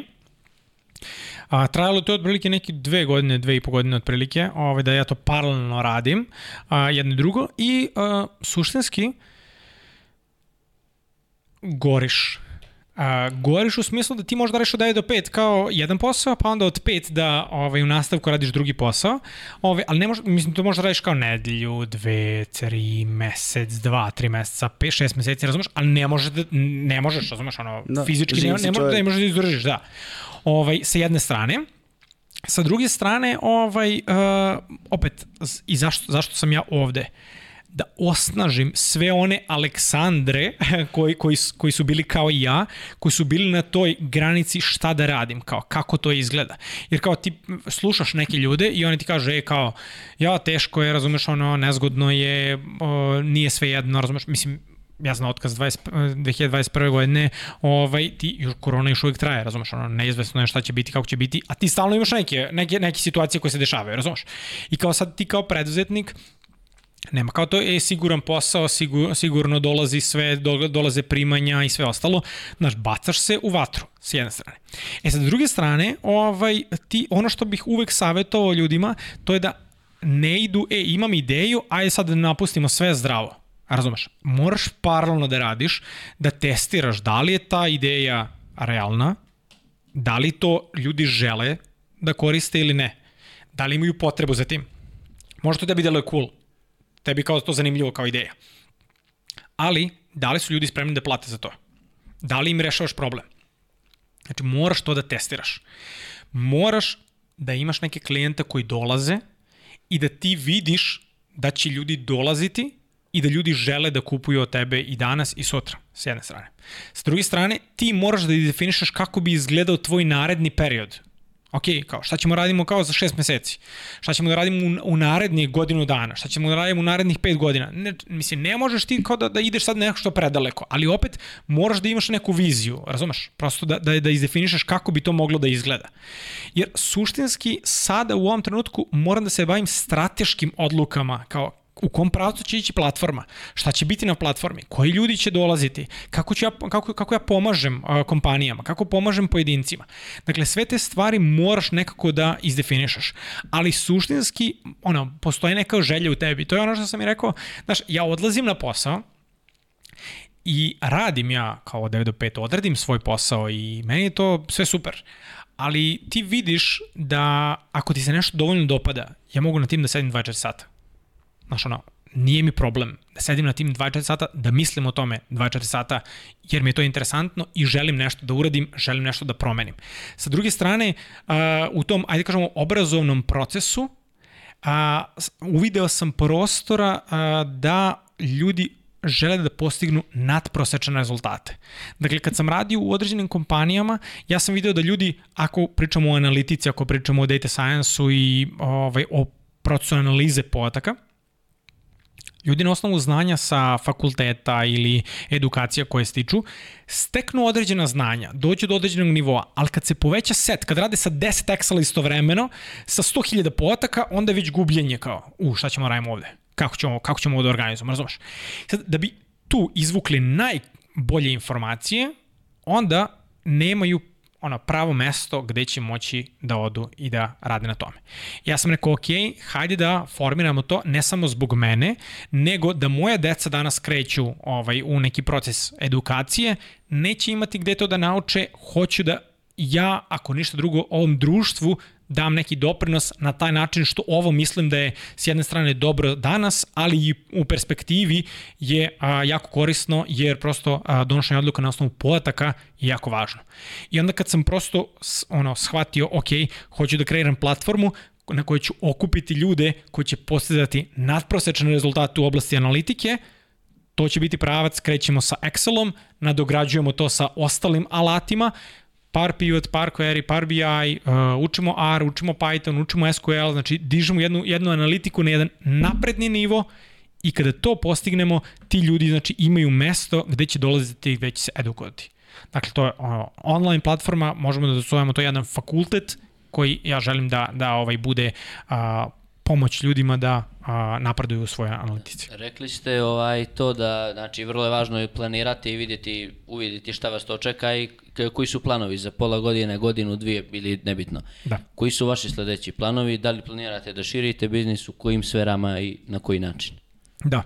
A, pa eto, u tom procesu kada treba da a, prelazimo i iz, da izlazimo iz kompanije, kao ok, treba da izlazimo iz kompanije, ok, ajde da vidimo kao kako će to funkcionisati, pa se fokusiramo na ovo naše tržište i gledamo kako to sve funkcioniše. I sad su tu ono, i klijenti iz Srbije, iz regiona, ima svih strana i ima naših ove, ljudi ove, iz dijaspore, a, ima i kompanije iz regiona. Cilj je da a, prosto idemo globalno na neki način da ovaj cela platforma bude i globalno prepoznata, jer kao što sam rekao, ja težim da ono što ja radim da bude globalno kompetitivno i da ovaj mogu ljudi da dolaze, jer proces funkcioniše tako da ljudi pristupaju platformi, da na toj platformi imaju video lekcije koje su ono, super interaktivne i na super konkretnim primerima. Znači radimo business case koji ti pomaže kako da rešiš određeni problem i tu ti ono, pokazuje na konkretnim stvarima kako da odradiš kroz određeni tutorial a, nakon toga imamo kvizove gde kroz kvizove ti utvrđuješ to znanje, onda imamo projekte gde ti kroz projekte imaš konkretan business case kako, gde ti sada treba da primeniš svo to znanje koje si stekao na nekim drugim i drugačijim primerima. I onda ovaj, imaš podršku mog tima i mene za sva pitanja, za dobijanje feedbacka, za, prime, za implementaciju u okviru ovaj, kompanije, takođe kompanije kada pošalju zaposlene, onda pratimo taj progres, uključujemo neki gamifikaciju, neku takmičarski dug da ovaj mogu međusobno da se ovaj i rangiraju ovaj, zaposleni i da na, na taj način ih osnažujemo da, da napreduju. Tako da u tom smislu jeste razvoj platforme da bi ljudima bilo interesantno da učestvuju, da prosto uče, jer kao što sam rekao i na početku, jako je važno da ljudi uživaju u procesu edukacije. Znači, jer taj, taj proces edukacije nikada ne prestaje. Znači, ne prestaje. I iz tog razloga ti moraš da uživaš u tom procesu. I meni najveća nagrada kao, e, kao navukli smo se na Excel, kao koliko nam se sviđa ovaj, i način na koji ti to objašnjavaš, ali sa druge strane i koliko nama rešava problem. Ono što je najvažnije jeste da ja uvek podsjećam ljude, ok, ja sam ti objasnio, ali ajde ti uzmi i primeni. Ne, mislim, zato što generalno svi ljudi koji dolaze, dolaze ljudi iz kompanija i onda mi rešavamo realne probleme. Znači oni dolaze i kaže, ja imam ovaj, taj, taj problem i onda na samoj platformi pronalaze rešenje za njihov problem i odmah ga implementiraju i odmah dobiju ovaj taj rezultat. Tako da to je ono što je važno da ljudi uživaju u tom procesu učenja, a sa druge strane odmah to i primenjuju i na taj način ovaj ostvarujemo progres. Tako da prosto ovaj i kompanije generalno se vraćaju i ostvarujemo ono saradnju sa sa ovaj prosto ono sjajnim kompanijama i baš sam ponosan na to zato što se vraćaju i šalju ovaj iznova svoje zaposlene jer a, vide benefiti, vide vide da im to ovaj koristi u samom poslu. Tako da je to ono što što je zapravo a, i meni motivacija da a, da se razumemo, znači nisam ja neko ko zna sve Tačka. Znači, to, to, to, i, i, i ne, treba, ne treba ni vi da polazite toga. Znači, ja nisam osoba koja zna sve, iz tog razloga moramo da širimo tim kako bi taj tim bio specijalizovan za svaki od delova posla i kako bismo mogli da a, se zajednički razvijamo. To je u prošloj epizodi naše Mitar Pešić lepo rekao da je zašto je tim bitan jer je rekao na primjer ako ti imaš biznis gde ovaj evo sad na primjer ja sam glavni i odem na mesec dana i taj biznis nema ko da vodi. To ne vodi ničemu, to ovaj, ako ti nemaš čoveka koji, koji će da ostane i da, će to, da ti možeš mirno da odeš na dva meseca, da ne budeš to da znaš da će sve da funkcioniše. To je to što ste vi rekli da je bitno. Znači, niste, čovjek se uči dok je živ i nije bitno, ovaj, bitan je taj kolektiv, bitan je taj tim koji radi, da ne zavisi sve od jednog čoveka. Tako je. Mislim, u suštini i, i kada pričamo o nekim ono, start-upovima, kao da, da te neko daje neku investiciju, On kaže, ok, imaš ti ideju, pričali smo i o idejama, kao, ok, svako od nas ima neku ideju, kao, u, strava, super, kao, ovaj, odlično. Dobro, ali koliko, koliko ljudi se stvarno cima oko te ideje? Koliko i procenat te ideje uradio?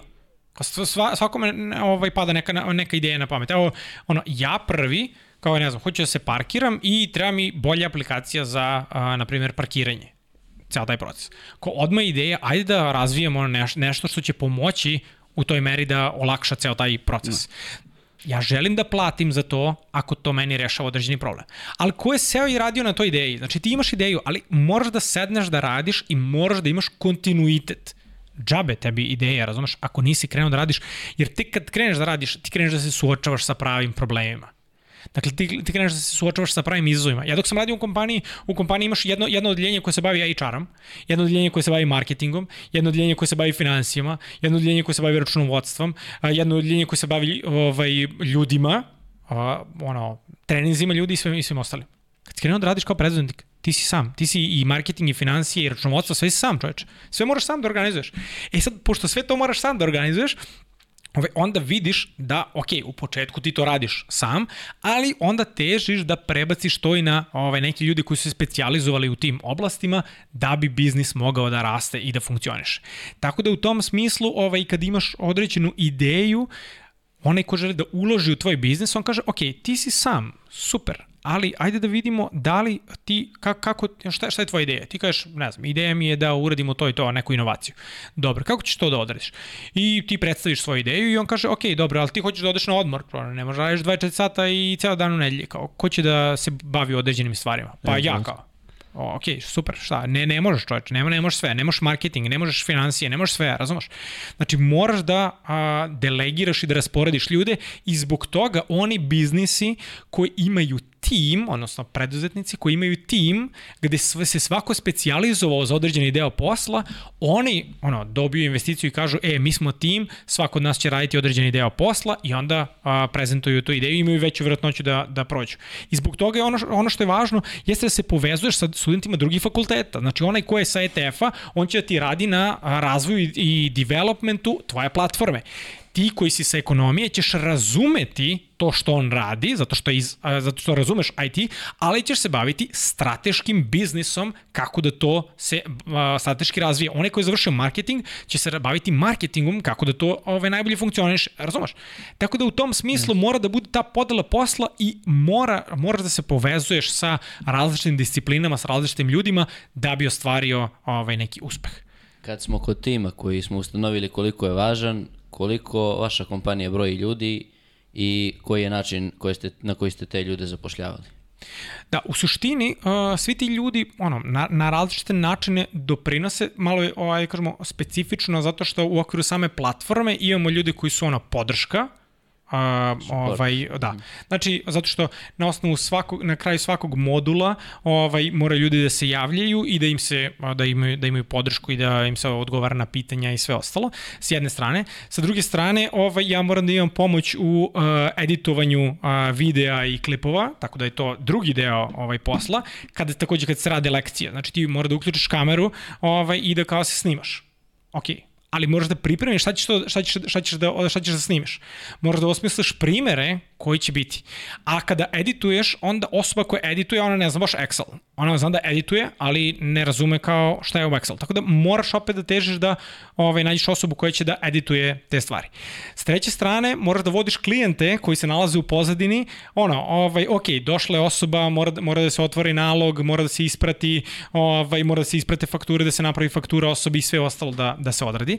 Tako da u suštini ovaj, bude tu broj od nekih petoro ljudi koji uh, su aktivni i koji na različit način ovaj doprinose uh, ovaj razvoju toga. Tako da neko uh, kažem radi uh, financije, neko radi uh, marketing, neko ovaj uh, je podrška platformi, neko pomaže u različitim vidovima dizajna uh, i isto radimo na nekim specifičnim projektima, na primjer uh, ako neki preduzetnik kaže e vidi meni treba da se sredi ovo moje poslovanje baš imamo jednu situaciju gde je a, a, škola za strane jezike rekla, e vidi, mi imamo situaciju gde vodimo svoje, studi, svoje studente i a, predavače, znači imamo, ne znam, 30 predavača i, i svaki predavač ima 30 studenta i to je već kao cifra ogroman broj ljudi, razumeš? I on svaki dan profesor održi po jedan čas uh, ovaj nekom studentu od njih 30 koliko ih ima. Uh, i svaki dan održi nešto različitu lekciju i različite stvari i to mora da se negde evidentira. Onda smo mi uzeli, uvezali svaki od, svakog od učenika, onda napravili statistiku za svakog od profesora, onda napravili statistiku za sve profesore i onda bukvalno na klik oni mogu da vide statistiku koji profesor, eh, koji profesor je ovaj, eh, održao koliko časova ovog meseca, šta je uradio, sa, sa koje kurseve je držao, koliko je novca eh, doneo školi i sve ostalo. Sa druge strane, automatizovali smo proces izdavanja fakture, na primjer može isto da se automatizuje proces izdavanja fakture tako što, ok, imamo spisak klijenata, klik, ovi ljudi ovaj, su, nisu platili. Pogledamo ko je platio, unesemo ko je platio, mečujemo te ljude, klik, on uzme te ljude, ubaci u template, taj template generiše u PDF, taj PDF kao, stavi kao attachment u mail, generiše uh, mail, personalizuje ga, uspeli smo da ga personalizujemo, iako kod nas ima ono, ovaj, uh, uh, poštovani Aleksandre, ne može poštovani Aleksandar, ovaj, uh, i onda smo uspeli tu da, da ovaj, personalizujemo, na klik i pošalje na hiljadu adresa za 5 minuta. Fenomenalno. E sad, znači, zašto smo to radili? Zato što to smanjuje verovatnoću da ti pogrešiš. Razumem, znači ti možda pogrešiš kada šalješ ta, takve stvari, pogrešiš sigurno. A ovde smo mi težili da automatizacijom smanjimo tu verovatnoću verovatnoću greške. Isto, radimo isto sa, sa ovaj, uh, još jednim edukativnim centrom, ajde napravimo dashboard gde će oni vidjeti koliko je njihov cash flow u uh, prvih 15 dana ovog meseca, koliko je u poslednjih 15 dana ovog meseca, šta, ima, šta dolazi na plaćanje, koji su dobavljači koji treba da se izmire u uh, narednom periodu, koji su to kupci od kojih nam dolazi novac u narednom periodu, koliki su to prilivi koji mogu da nam stignu, koliki su to odlivi koje možemo da očekujemo. Dakle, ti imaš jedan dashboard na osnovu kojeg donosiš svoje strateške odluke to je mnogo važno. Znači, to je mnogo važno kako za uh, preduzetnike, ono manje, tako i za uh, veće kompanije, jer, kao, kao što sam rekao, svako odeljenje uh, u, okviru, u okviru firme je jedna posebna firma, ono, marketing, pa onda ima svoj budžet i svoj plan koji mora da planira i da prati, financije imaju svoj plan i koje, koje moraju da prate, tako da, ovaj, evo i Erste banka je ovde, jer sa Erste bankom sam ovaj, sarađivaju, imamo sjajnu saradnju, tako da u tom smislu iz različitih branši isto ovaj, budu kompanije a zapravo ovaj koriste a, koriste ovaj a, sve te Microsoftove alate na vrlo jedan a, ozbiljan način i s druge strane ono i i Googleove alate, ono Google Sheet i Google da. Data Studio su isto jako interesantni. To. Uh, sad sve vreme pričamo o tome i sve vreme su u priči klijenti. Se sećate vi prvog vašeg klijenta i kako ste sklopili dogovor sa prvim klijentom, pošto je, sada je već lakše, imate razgradili ste ime, imate posao, lakše je sada nađete klijente. Kako da, ste da. našli kad ste krenuli, kako ste našli prvog klijenta i kako je izgledalo to, kako ste se snašli? Da, da, da, da, ovaj, Uh, pa u suštini uh, taj moj prelaz, uh, ja sam prvo to radio na fakultetu. Znači, ovaj, započeo sam, ajde da kažemo, da držimo te radionice ovaj, na samom fakultetu. Kreirali smo kurs za studente četvrte godine na ekonomskom fakultetu, jer do tog trenutka je postojao samo na smeru statistika, informatika i kvantivne financije u okviru predmeta analiza podataka. Postoji dan danas primenjuje na fakultetu, ali tako? Tako je, Eto. da. E, onda smo kreirali kurs uh, za studente četvrte godine, I uh, tu je obuhvatao Excel, uh, neki tips and tricks za Word, uh, Access i to to. Ove, ovaj, e sad, tu smo započeli i onda kao, znaš, ono, ti uh, dolazi ti stalno nekih 70 ljudi, da se 70 ljudi držalo u sali E, ovaj, mislim, gore na červoznom spratu, i kao super, znaš, ono, puno, puno je ti učionica, sve to strava, sve to super, kao sve to funkcioniše. Onda izađeš s faksa i uh, treba pokreneš Instagram profil od nule i treba da izbaciš prvi post.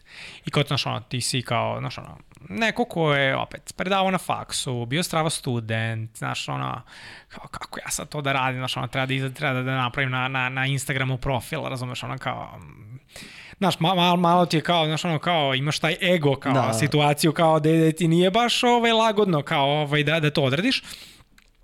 A, a kamoli da sad izađeš kao, ne znam, ovaj, da se snimaš ili tako nešto, ali prosto ovaj, napravim ja neko, neke fotke i onda one ovaj, izađu i krenem ja to na Instagramu da, da ovaj, delim. I uh, krene to da se, da se objavljuje i onda uh, treba da napraviš i prvu radionicu. E sad, ja sam to krenuo da radim, uh, opet, uh, krećemo, znači, kada je neko na početku, možda se poradiš uh, sa mnom koji sam bio na početku. Kada, se ja, kada ja pričam sa nekim koji ima veliku kompaniju, možda se poradiš sa njim kao kada je bio na svom početku. Razumem, znači, uh, ovaj, ne, u nekom startu. Isto je i, i, i tada bilo, znači u tom smislu krenem ja da držim radionice uh, u Share Square-u, u Startitu besplatno, da bi ljudi videli tebe, kako ti to radiš, na koji način funkcioniš i sve ostalo. I kada sam držao svoju prvu radionicu, A, prijavili su troje ljudi, od toga su dva, dvoje bili moji prijatelji. Ovaj, I, znaš, ono, ovaj, moraju da podrže ovaj, prijatelji, jako sam im zahvalan ovaj, na tome i ja danas težim da a, prosto podržim sve ljude koji se bave preduzetništvom ili nekom preduzetničkom aktivnošću. To znači da ako, ako vidite da neko od vaših prijatelja je pokrenuo nešto, kupite to i platite više nego što to košta. Znači nije cilj je moj moj ortak je pokrenuo aj sad da idemo svi da da ono jedemo i pijemo besplatno ili šta god da je yeah. da je odradio ovaj da da koristimo besplatno. Nije to cilj. Ajde mi da podržimo tu osobu i da da da ona platimo još više. I ovaj ja se vodim tom nekom činjenicom.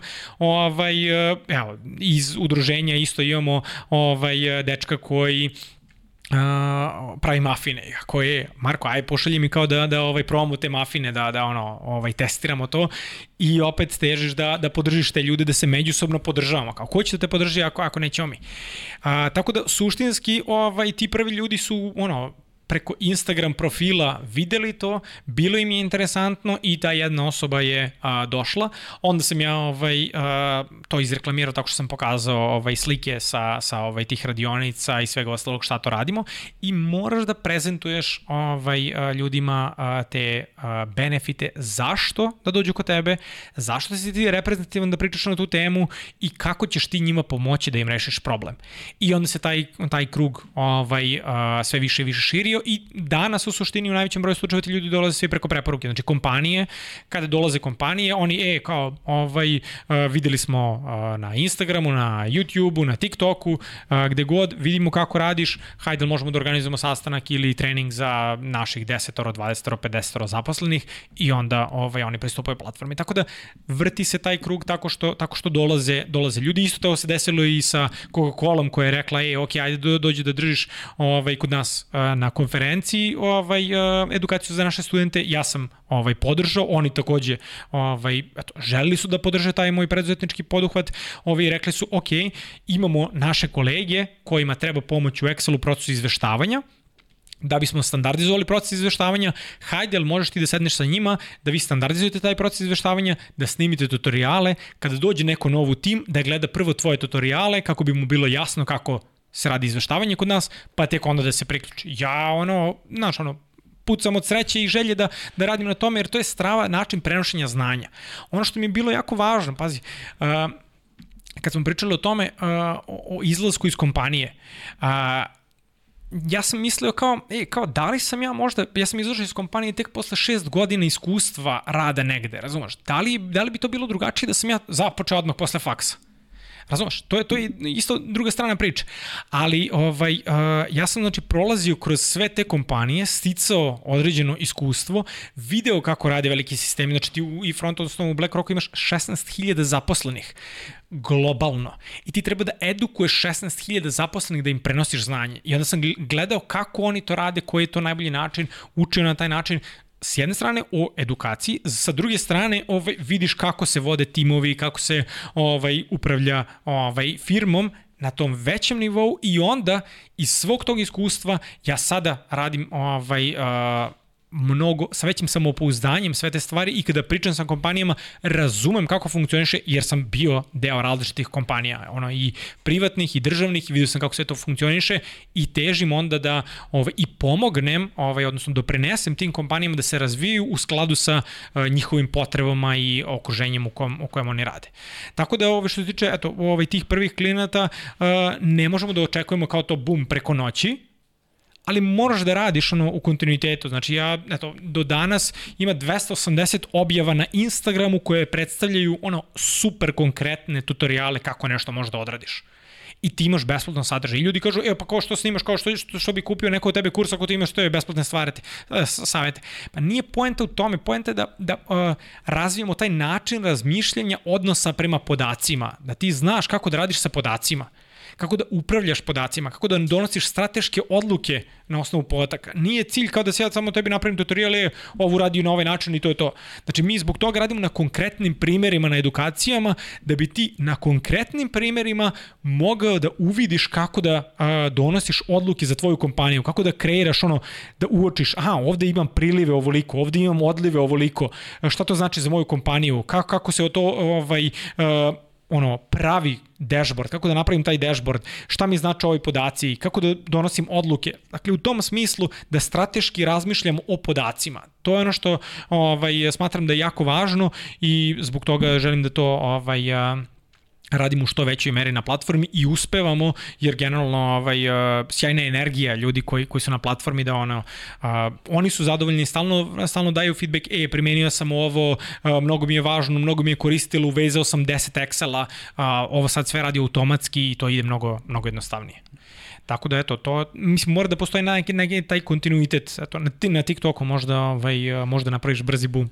no, sa pratiocima, ali, ali što se tiče neka, nekog ono, postepenog rada, i da, ono što je važno, to je da ljudi generalno prepoznaju taj tvoj trud. Možda da imaš kontinuitet, on ne dolazi ono baš preko noći, ovaj, uh, uh, ajde kažemo ne, neki rezultat, ali kad imaš kontinuitet, objavljuješ stalno, aktivan si stalno, opet, opet se vraćamo na to, moraš da, da ti se dopada to, moraš da imaš želju za tim, moraš da radiš na tome i onda kad imaš određeni kontinuitet, a, onda i ljudi to prepoznaju. I kažu, je, ovaj lig bre, ono, već godinu dana objavljuje ovaj, a, svake nedelje neki tutorial ili nešto, ovaj, daj da vidimo ovaj, čime se bavi, daj da vidimo kako nama može da pomogne. Jer kompanijama generalno i trebaju takvi ljudi, znaš, ono, treba ti neko mesto gde oni mogu da reše određeni problem ja sam mesto gde možeš da rešiš problem u Excelu.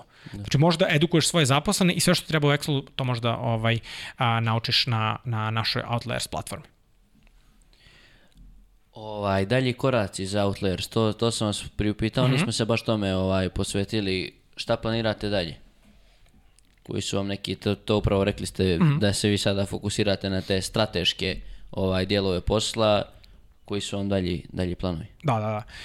A, u suštini ono što je a, interesantno, ajde da kažemo, ovaj, pošto ima nekoliko aspekata, jedan poseban aspekt su društvene mreže, mm -hmm. ovaj, i nastup na društvenim mrežama je onako, a, opet, zahteva određenu konzistentnost. Hajde da vidimo kao ono, da, da mora da se objavljuje stalno, da mora da bude interesantno, da mora da pratimo trendove, jer kao izašao je TikTok, a, neka, neka video forma je, moramo se prilagodimo u tome, izašao je Reels, ok, moramo se prilagodimo u tome da kreiramo neki sadržaj koji će ljudima biti interesantan. Ljudi na društvene mreže dolaze da bi se zabavili, i samim tim moramo da napravimo nešto što će biti interesantno. Znači ja kada pravim klip, ja ga pravim tako da on bude interesantan ljudima, da on može da ga odgleda kao u minut i da mu reši određeni problem, ali mora da bude zanimljivo. Razumeš, znači moram da ga stavim u zanimljiv kontekst kako bi ovaj, njemu bilo inspirativno, A onda ako želi da uh, dođe na edukaciju, da uči još detaljnije, da uči sistematičnije, onda uh, to radimo kroz samu platformu. E onda kada dođe na samu platformu, onda uh, tu razvijamo i razvijamo nove edukacije. Znači ono što ovaj, je cilj da uh, on pođe od Excela, da ide kroz Power Pivot, Power Query, Power BI, da može da sekne ovaj, skillove i što se tiče kompletnog rada sa podacima i razmišljenja u kontekstu podataka, da se osnaže da uči i o veštačkoj inteligenciji i o mašinskom učenju. Nisam to spomenuo, ali deo sam organizacije Serbian AI Society. To je organizacija koja okuplja ljude koji se bave veštačkom inteligencijom. to znači da su sve naši ljudi koji rade globalno Znači preko 200 ljudi koje smo okupili i sa kojima svakog meseca mi a, imamo sastanke i diskutujemo o trendovima u veštačkoj inteligenciji i prenosimo a, savete jedni drugima kako bi zapravo ona mogli da bude implementirana. Tako da u tom smislu fokusiranje na takve ljude ove, i okupljanje takvih zajednica su jako dragocene i sa jedne strane da bih ja uvideo kako bi platforma mogla da se razvija i kako mi možemo veštačku inteligenciju da primenimo u kontekstu i platforme i edukacije i razvoja ljudi koji su na samoj platformi. Tako da i to cilj da razvijamo nove edukacije, ali koji će pomoći i platformi da ona ima neke fičere uz pomoć veštačke inteligencije pa da ti pomaže da, ti, da tvoja karijera a, ovaj, a, kroz platformu, da tvoje interesovanje budu, ono, ti ulaziš i kažeš, e, ok, a, sad, na primjer, želim da se bavim a, marketingom i on ti kaže, e, moglo bi da pogledaš ove i ove alate i moglo bi da radiš to na ovaj način, tako da ti na taj način algoritam pomaže, a s druge strane cilj jeste da idemo globalno i da globalno ovaj, skaliramo celu priču, jer a, mislim da možemo to da, da odradimo na jedan a, prilično globalno kompetitivan način. Mm. Uh, mislim da naši ljudi su prilično kreativni uh, i da su uh, sjajni za globalno tržište, da možemo da, da kreiramo neke zanimljive i drugačije pristupe. Tako da, uh, edukacija, mislim, ono što je važno isto da ja težim da spajam, znači ta oblast zove EduTech, znači edukacija i tehnologija. Kad imamo, radio sam u fintechu, znači ovaj, uh, i frontu sam BlackRock, da, uh, financial i, I tehnologija. tehnologija i onda mi ovaj, spojimo to i onda je fintech industrija, tako da i u tom smislu što se tiče ovaj, ljudi koji su na, na samom fakultetu ovaj, ekonomskom, treba da teže da spajaju to sa tehnologijom, šta god da si. Ako si u financijama, fintech. Ako si u računovodstvu, spaj sa tehnologijom. Ako si u marketingu, spaj sa tehnologijom. Dakle, u tom smislu, jer vidite sami da smo da, da, okruženi. sa vremenom. Tako da. je, tako je. Znači, moraš da, jer na taj način, ako to spajaš sa tehnologijom, ti si onda i na tržištu ovaj, aktuelniji. Razumem, znači pratiš trendove i, ovaj, i možeš da doprineseš kompaniji i ono, ako govorimo o ne znam, tehnološkom svetu i IT kompanijama, svakoj IT kompaniji treba programer, treba neko, neko ko razvija određene softvere, Ali ljudi, treba im neko ko radi u financijama, treba neko ko ovaj, radi u marketingu, treba neko ko će, ko će se strateški posvetiti razvoju biznisa. Tako da u tom smislu mora, moramo da razumemo tehnologiju i moramo da spajamo te stvari, to ide zajedno. Znači ako smo, ako smo ekonomisti, to znači da moramo da, da ovaj, razvijamo znanja tehnologije i da te dve stvari vezujemo zajedno. Isto i o data science-u, znači ovaj, moramo da, da uklopimo znanje iz ekonomije, iz informatike i statistike, da to zajednički ide mm -hmm. i da mi možemo da radimo sa podacima sa velikim setom podataka i da donosimo biznis odluke. Tako da to, to su ono, čvrsto povezane stvari. Znate šta me uh, još zanima? Zašto ste uh, odlučili da prijavite firmu, a niste ostali na tome samo da držite kurs? Zašto ste odlučili da otvorite firmu? Vlastno. A, da, pa, mislim, a, da se razumemo, mi moramo da razmišljamo kroz biznis. A, u smislu da, kao, ok, ako ne želim, znači mora da dolazi od nekuda novac. I to isto što se tiče ideje, bilo koje ideje da, da, da, da je ovaj, u pitanju. Znači, ti imaš ideju kao super, strava. E, o, ideja je, ne znam, ono, mikrofon koji sam stoji uh, i da ima neke fičere, super, ok, a da li će neko da kupi to? A, kako ćemo mi da dođemo do novca na osnovu, a, na osnovu toga? Moramo da razmišljamo o tome. Isto to sam ja morao da razmišljam, ok, ako ne radim u nekoj firmi, imaću svoj biznis, ali taj biznis mora da donosi određeni novac da bi on mogao da se razvija. Ja moram, znači moja odgovornost kao vlasnika a, ovaj startupa jeste da a, obezbedim da na kraju meseca ovaj, ja moram da platim plate ljudima. Znači, njih ne interesuje kako ću ja doći do novca. Ja moram da im platim. I to je to. I onda moramo da razmišljamo u tom kontekstu kako da nešto što pomaže društvu, super, može da donese i novac, odnosno da ljudi budu spremni za, da, da plate za to i da mi možemo da razvijamo taj biznis. Tako da u tom smislu, ok, znači počinjemo od edukacija, počinjemo od kurseva, možemo da, ja, da se razumemo, znači ja a, podržavam sve projekte i kad god mogu da dam edukacije besplatno ovaj, ili po ovaj, nekim uslovima za studente koji će njima odgovarati, nije dobro davati skroz besplatno, zato što ljudi to ne cene ovaj, kada, je, kada je skroz besplatno, ali da, ih zaslu, da zasluže to na neki način, to je skroz okej. Okay. Ove, ali ne, ne treba prosto davati besplatno, mislim ekonomisti znate da nema, nema besplatnog ručka. Ne, ovaj, ali, je, da, ovaj, ali, ali u, u suštini hoću da kažem zato što ovaj, ljudi moraju da osete nešto, bukvalno neka daju ono 100 dinara za nešto, ali da imaju kao neki osjećaj prema tome, tako da treba da, da ovaj, plate. Ali hoću da kažem, znači, ja težim da, po, da pomognem i da doprinesem svima kako god mogu. Znači, kad god se održava neka konferencija, ja sam tu da podržim. Studentska konferencija. Kad god ovaj, je neki događaj da ja mogu da podržim ja sam tu da podržim. Uh, I ovde mi je čast da, da ovaj, uh, razgovaram s vama, želim da vas podržim ovaj, uh, jer radite sjajne stvari. Tako da u tom smislu želimo da podržimo. Ali moram da se okrenemo i to biznis strani u smislu da taj posao koji radimo mora da generiše neki novac. Isto to će i meni investitor reći kad odem i kažem, e, treba mi milion dolara da bi skalirao biznis globalno, a, on će reći super, a, kako ćeš ti, ja ću ti dati milion dolara, a kako ćeš ti da uvećaš tih milion dolara? Ja ću da investiram milion dolara u tebe, ali ja očekujem da ja a, za uzvrat dobijem milion i po.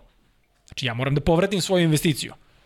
I kako ti očekuješ? Znači, ko je tvoj biznis model na osnovu kog ćeš ti ovaj, ostvariti ostvariti ovaj uh, revenue i na koji će na koji način će sve to funkcionisati. Isto, znači ono prosto platforma može da funkcioniše ono super i ok, ljudi će dolaziti i sve sve to cool, ali ovaj na koji način uh, ti o, ho, hoćeš to da skaliraš, da, da se razumemo. Znači još jedna stvar.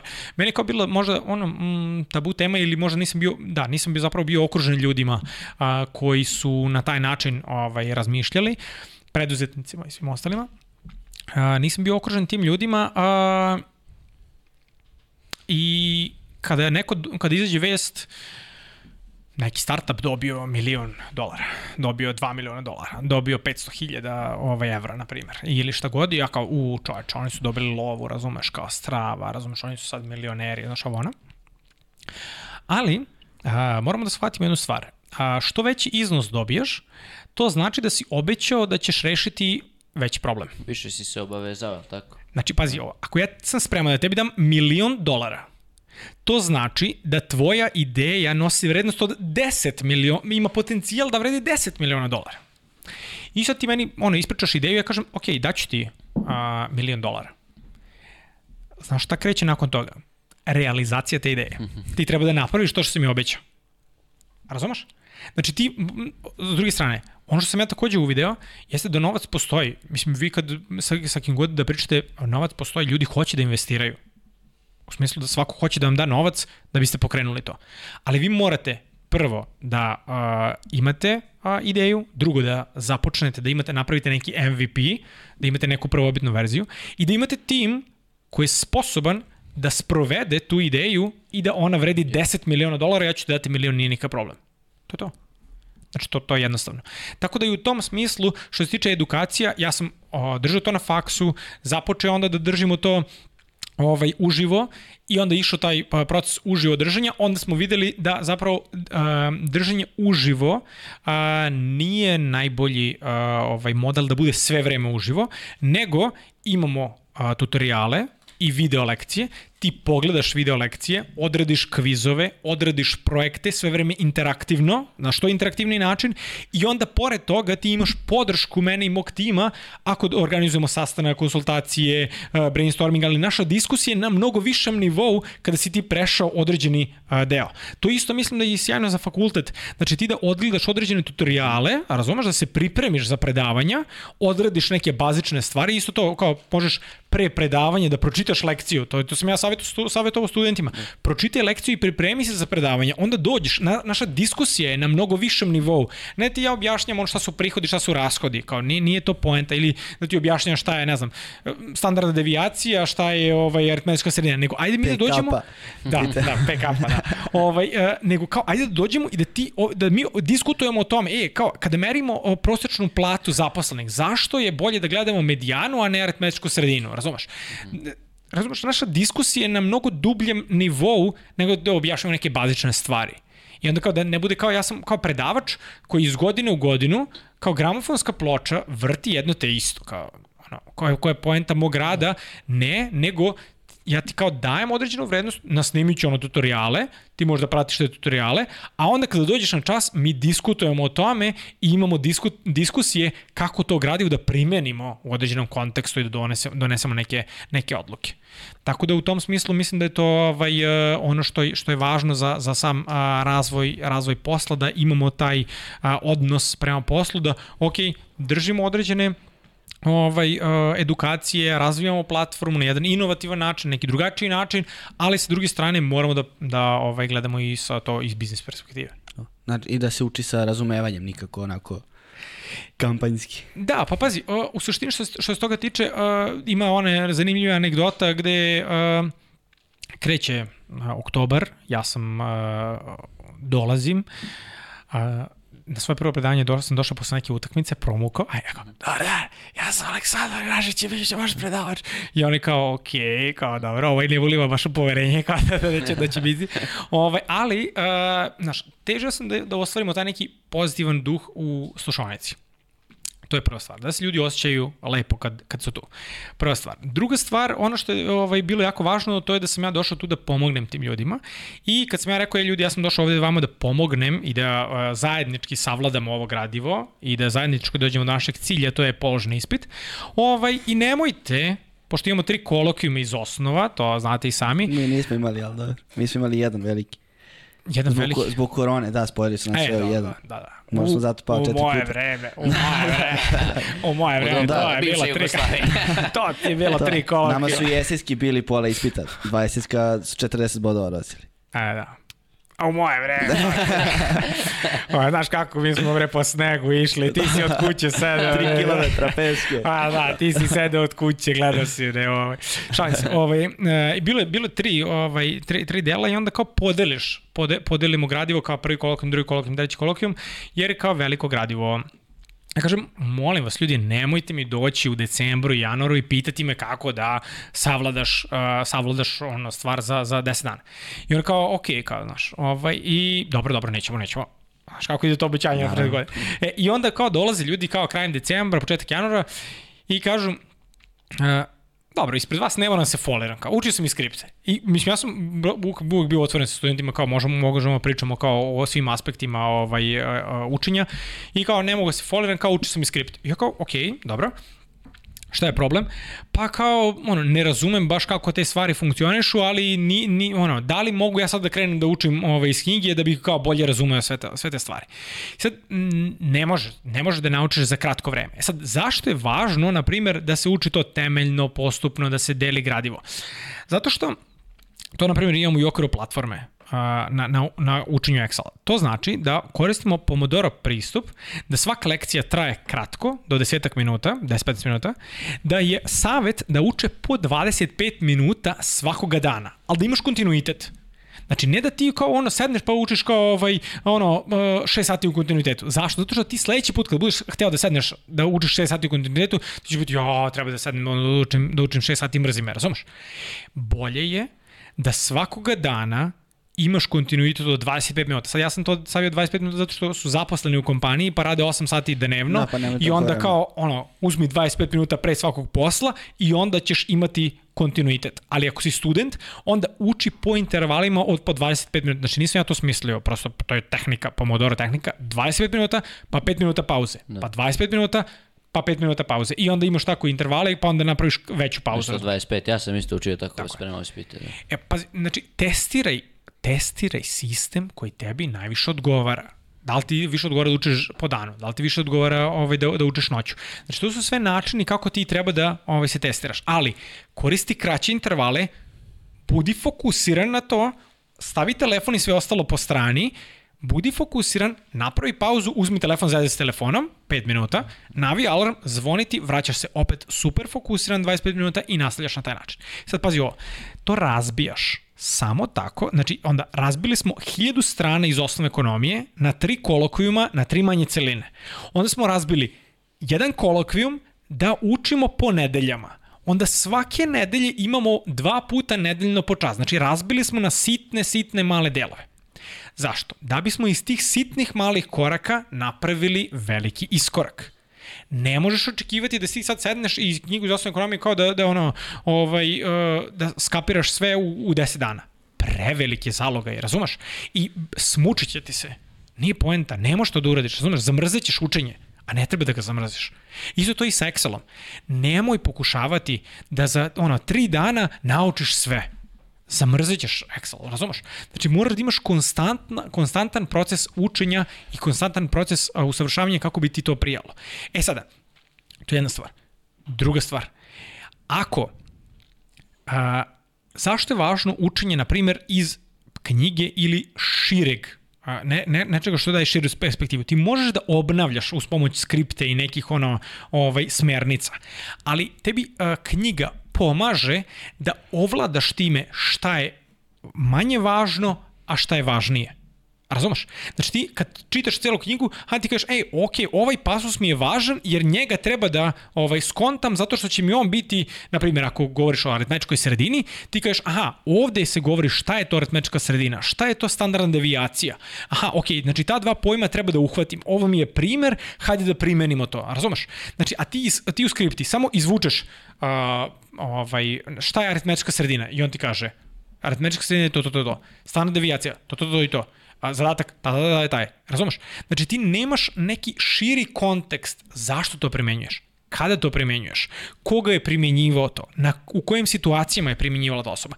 Tako da u tom smislu, znaš, ono, moramo da stavimo jedan odnos prema tom, tim, tom studiranju kao proces našeg razvoja. Čoče, ti se specializuješ da budeš profesionalni ekonomista Jel shvataš? Znači, kao što neko profesionalni glumac, ti si profesionalni ekonomista. To je tvoja profesija. Ti si najbolji u tome, razumeš? Znači, ne, onda zašto tražiš neke prečice, razumeš? Ako ti želiš da učiš to gradivo i da uh, ovladaš najbolji način. Da se razumemo, gradivo je ogromno i to tebe u, u određenoj meri usporava, opterećuje i ti tražiš da, da kao ovaj, neke, ajde kažemo, um, da skratiš sebi put ali možeš da obnavljaš uz tu pomoćnu literaturu, ali teži da učiš uz pomoć knjige da bi sagledao širu sliku, jer sutra kad si na poslu, nema ko da ti sažvaka, razumeš? Znači, evo, evo ti klas, klasičan primjer. Meni će reći, kao što su meni rekli, ovaj, uh, ono, i dok sam radio uh, u, u RZS-u, na primjer, dok sam radio u uh, BlackRocku, oni ti daju problem, razumeš? I kažu, e, vidi, imamo tu i tu situaciju, treba da je rešimo, hajde ovaj, uh, pronađi kako bi izgledao taj problem. I ono što je isto važno, što se tiče Excela, što se tiče bilo čega, ljudi ne žele, znači tebi se ne očekuje da ti sve držiš u svojoj glavi. Znači ne očekuje se da ti Excel znaš savršeno i da sve držiš u svojoj glavi. Ne čoveče, nije to poenta. Znači cilj je da ti budeš dovoljno snalažljiv da možeš da pronađeš rešenje.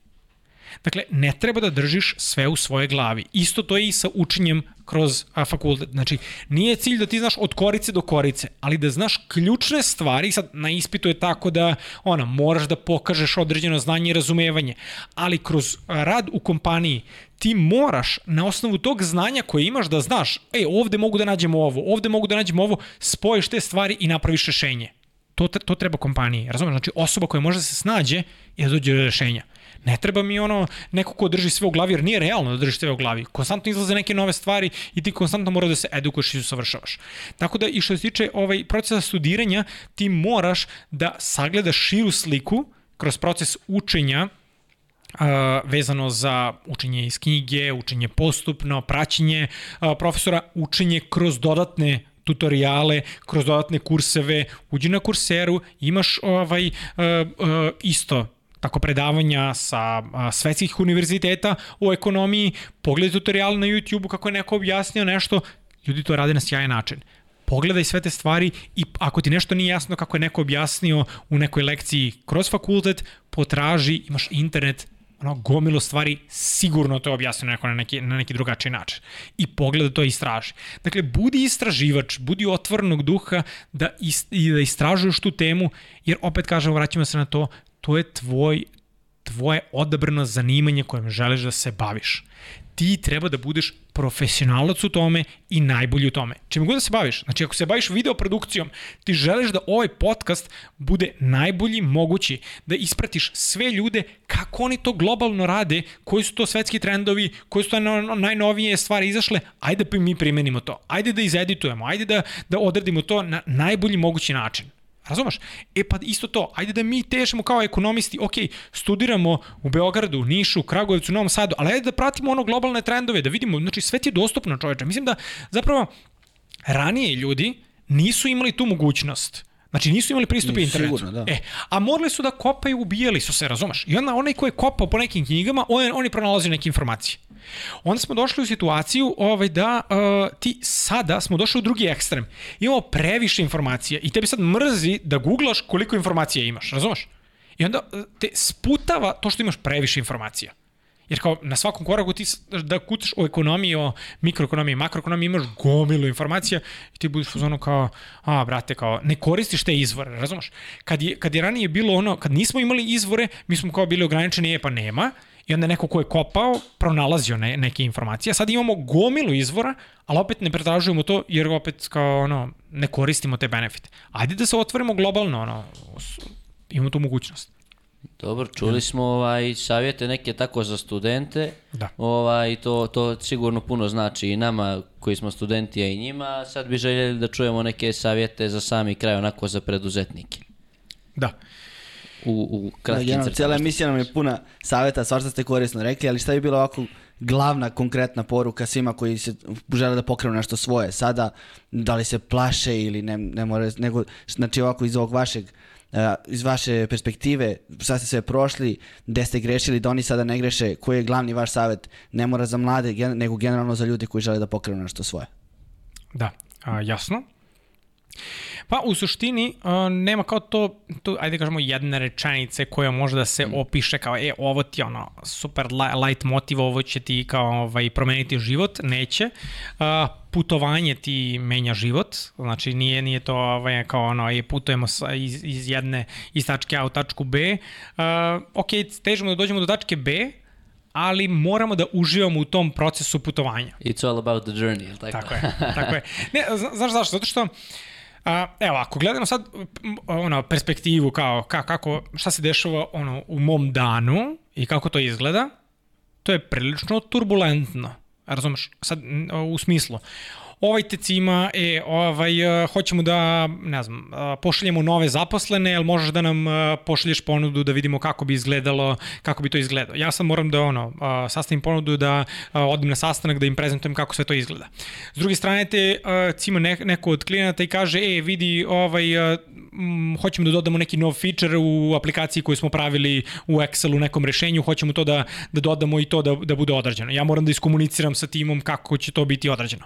Sa druge strane, moramo da ovaj, razmišljamo o tome koju ćemo novu edukaciju da napravimo i da vidimo šta je to što bi moglo sledeće da bude. Sa treće strane, uh, ovaj, uh, moraš da napraviš neki klip, nov tutorial, da izbaciš kako bi ljudima bilo, kako bi bilo na društvenim mrežama. Dakle, u tom smislu, ima dosta aktivnosti, ali ako ti ne uživaš u tom procesu, znaš, je Džabe sve, pa da. pa, znaš kao, a, evo, gledaj ovo, a, aj sad da uporedimo. Dan u kompaniji izgleda tako, mislim, prosto mo- moramo da pravimo paralele da bismo videli prosto kako sve to funkcioniše. A, znači, dan u kompaniji funkcioniše tako što ti dolaziš ujutru ovaj, u 8 ili u 9 kada, kada je ovaj, vaš kada je radno vreme. Obično imamo timski sastanak, pola deset, dogovaramo, na primjer, šta je, ako je, ako je ponedljak, na primjer, dogovaramo šta nam je plan za tu nedelju, razbijamo na ponedlje, ili šta je za taj dan plan da radimo, dogovaramo šta, ćemo, šta će ko da radi na, na tome i bacamo se na posao. I radimo na tome. To radimo 8 sati. U 5 se završava a, ovaj, radno vreme, zatvaraš laptop i ti si slobodan. Razumeš? Do sutra ovaj, u 9 kada ovaj ponovo dolaziš na ovaj posao i nastavljaš da radiš. To je super za nekog kome se dopada taj posao, ko uživa u tome, ima prostora da, da napreduje, da se razvija i to je strava. E sada, ono što sam ja uvideo jeste da mogu i pored toga, jer preduzetnik generalno stalno je ono, uključen u taj svoj biznis, ja sam video da a, ovo je nešto, znači razvoj a, edukacije, razvoj platforme, praćenje trendova, prenošenje ljudima. Ono što je takođe meni važno jeste da ja moram da primenim sve to, ja to primenjujem, primenjujem sa klijentima, pa onda te stvari primenjujem na samoj platformi. Dakle, moraš da pratiš trendove. E sada, da bi uh, se ljudi osnažili da budu preduzetnici, prvo ono što mi je jako važno jeste da pronađu neki svoj talent. E sad, tu se vraćamo na onaj period osnovna, srednja škola, fakultet i sve ostalo.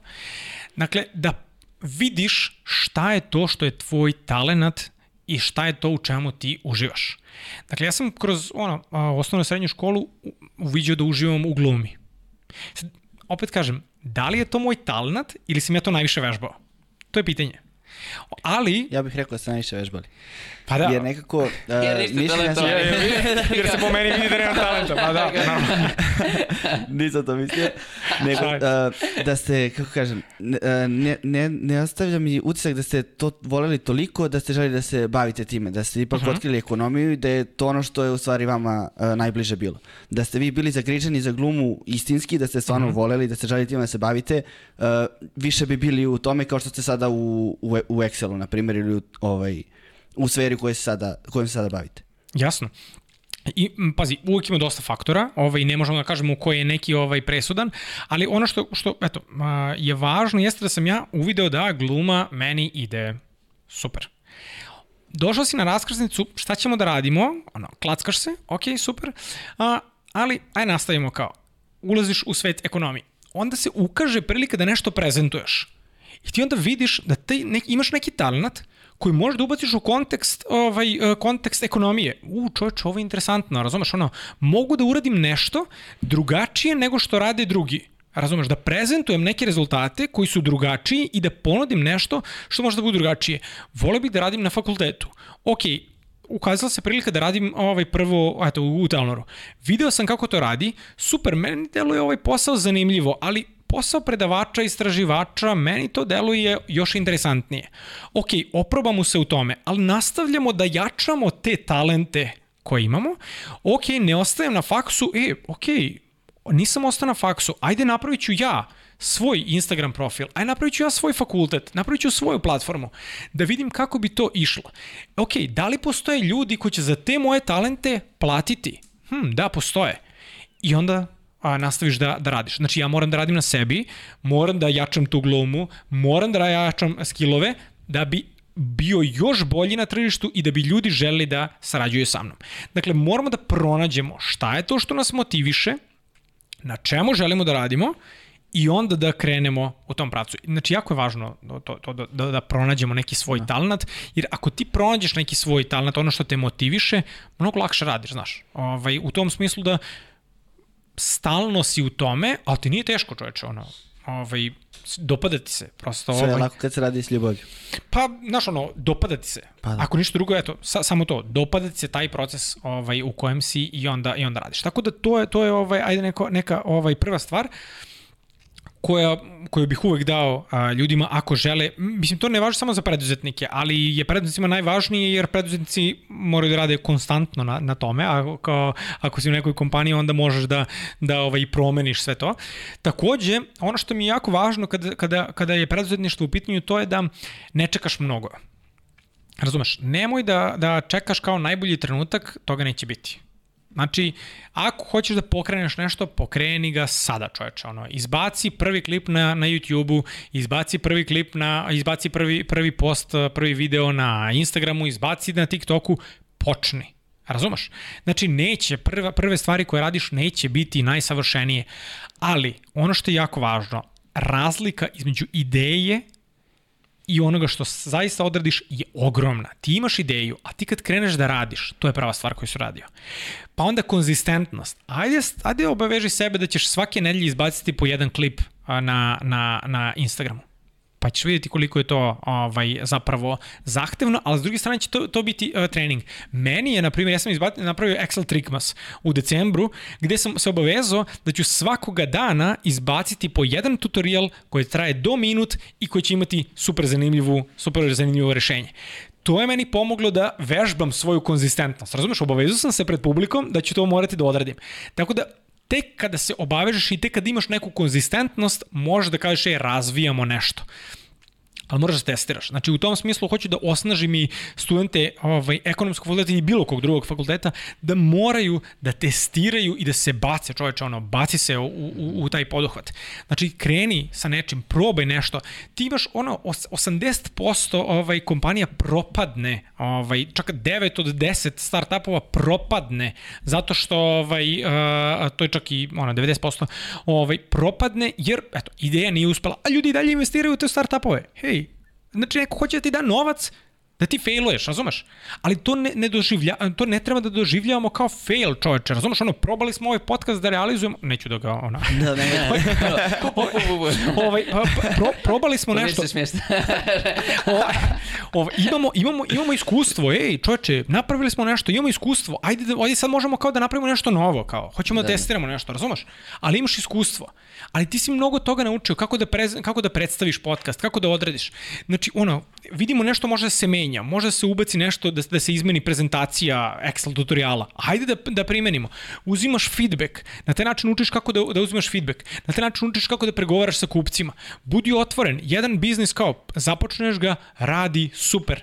Uh, ovaj, ajde da vidimo još nešto. Ako ovaj, ovaj ne radi, ajde da pređemo neki drugi. U tom smislu da budeš otvoren za ideje. Da. Postoje a, ogromne zajednice koje podržavaju. Inicijativa Digitalna Srbija podržava startupove.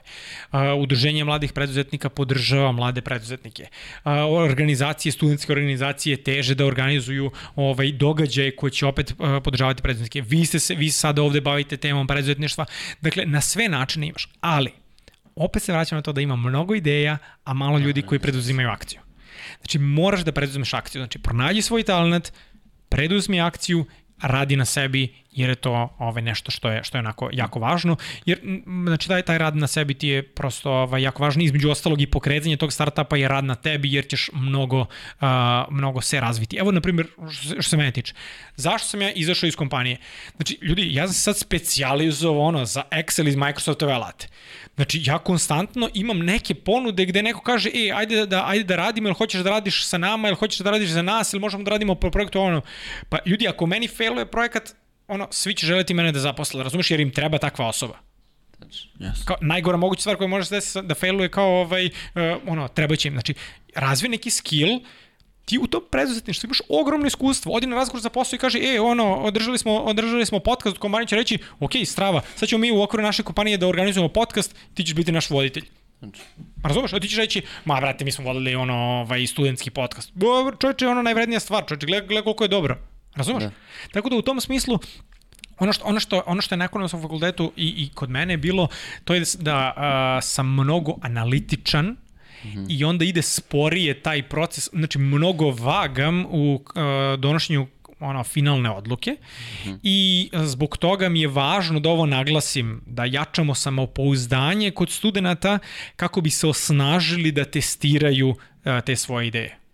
Upravo time ćemo i da privedemo emisiju kraju i što ste rekli ovaj, samim tim da najavimo naš sledeći projekat, projekat Bez straha koji će se održati u maju i upravo se bavi time. Kako se nositi sa strahom, graditi samopouzdanje kod studenta i fokusirati se na njihovo mentalno i, fizič, mentalno i psihičko zdravlje i ovaj, usredsrediti se na to kako pobijediti anksioznost i kako dalje. To je to. I da, to je, to je ovaj, strava, uh, možete primetiti ako ste na TikToku, uh, da su ljudi mnogo slobodniji da pričaju o toj temi, na primjer na TikToku. Uh, ja, sam, ja sam onako ovaj, baš, baš bio iznenađen ovaj, u to, toj, tom slobodom ovaj, da ljudi kažu, e, kao, ovaj, borio sam se sa određenim sta, strahom, sa određenim problemom, to sam rešio na taj taj na, način i mislim da je sjajno da eto, ovaj, se pokrenu i ovde ovaj, takve teme.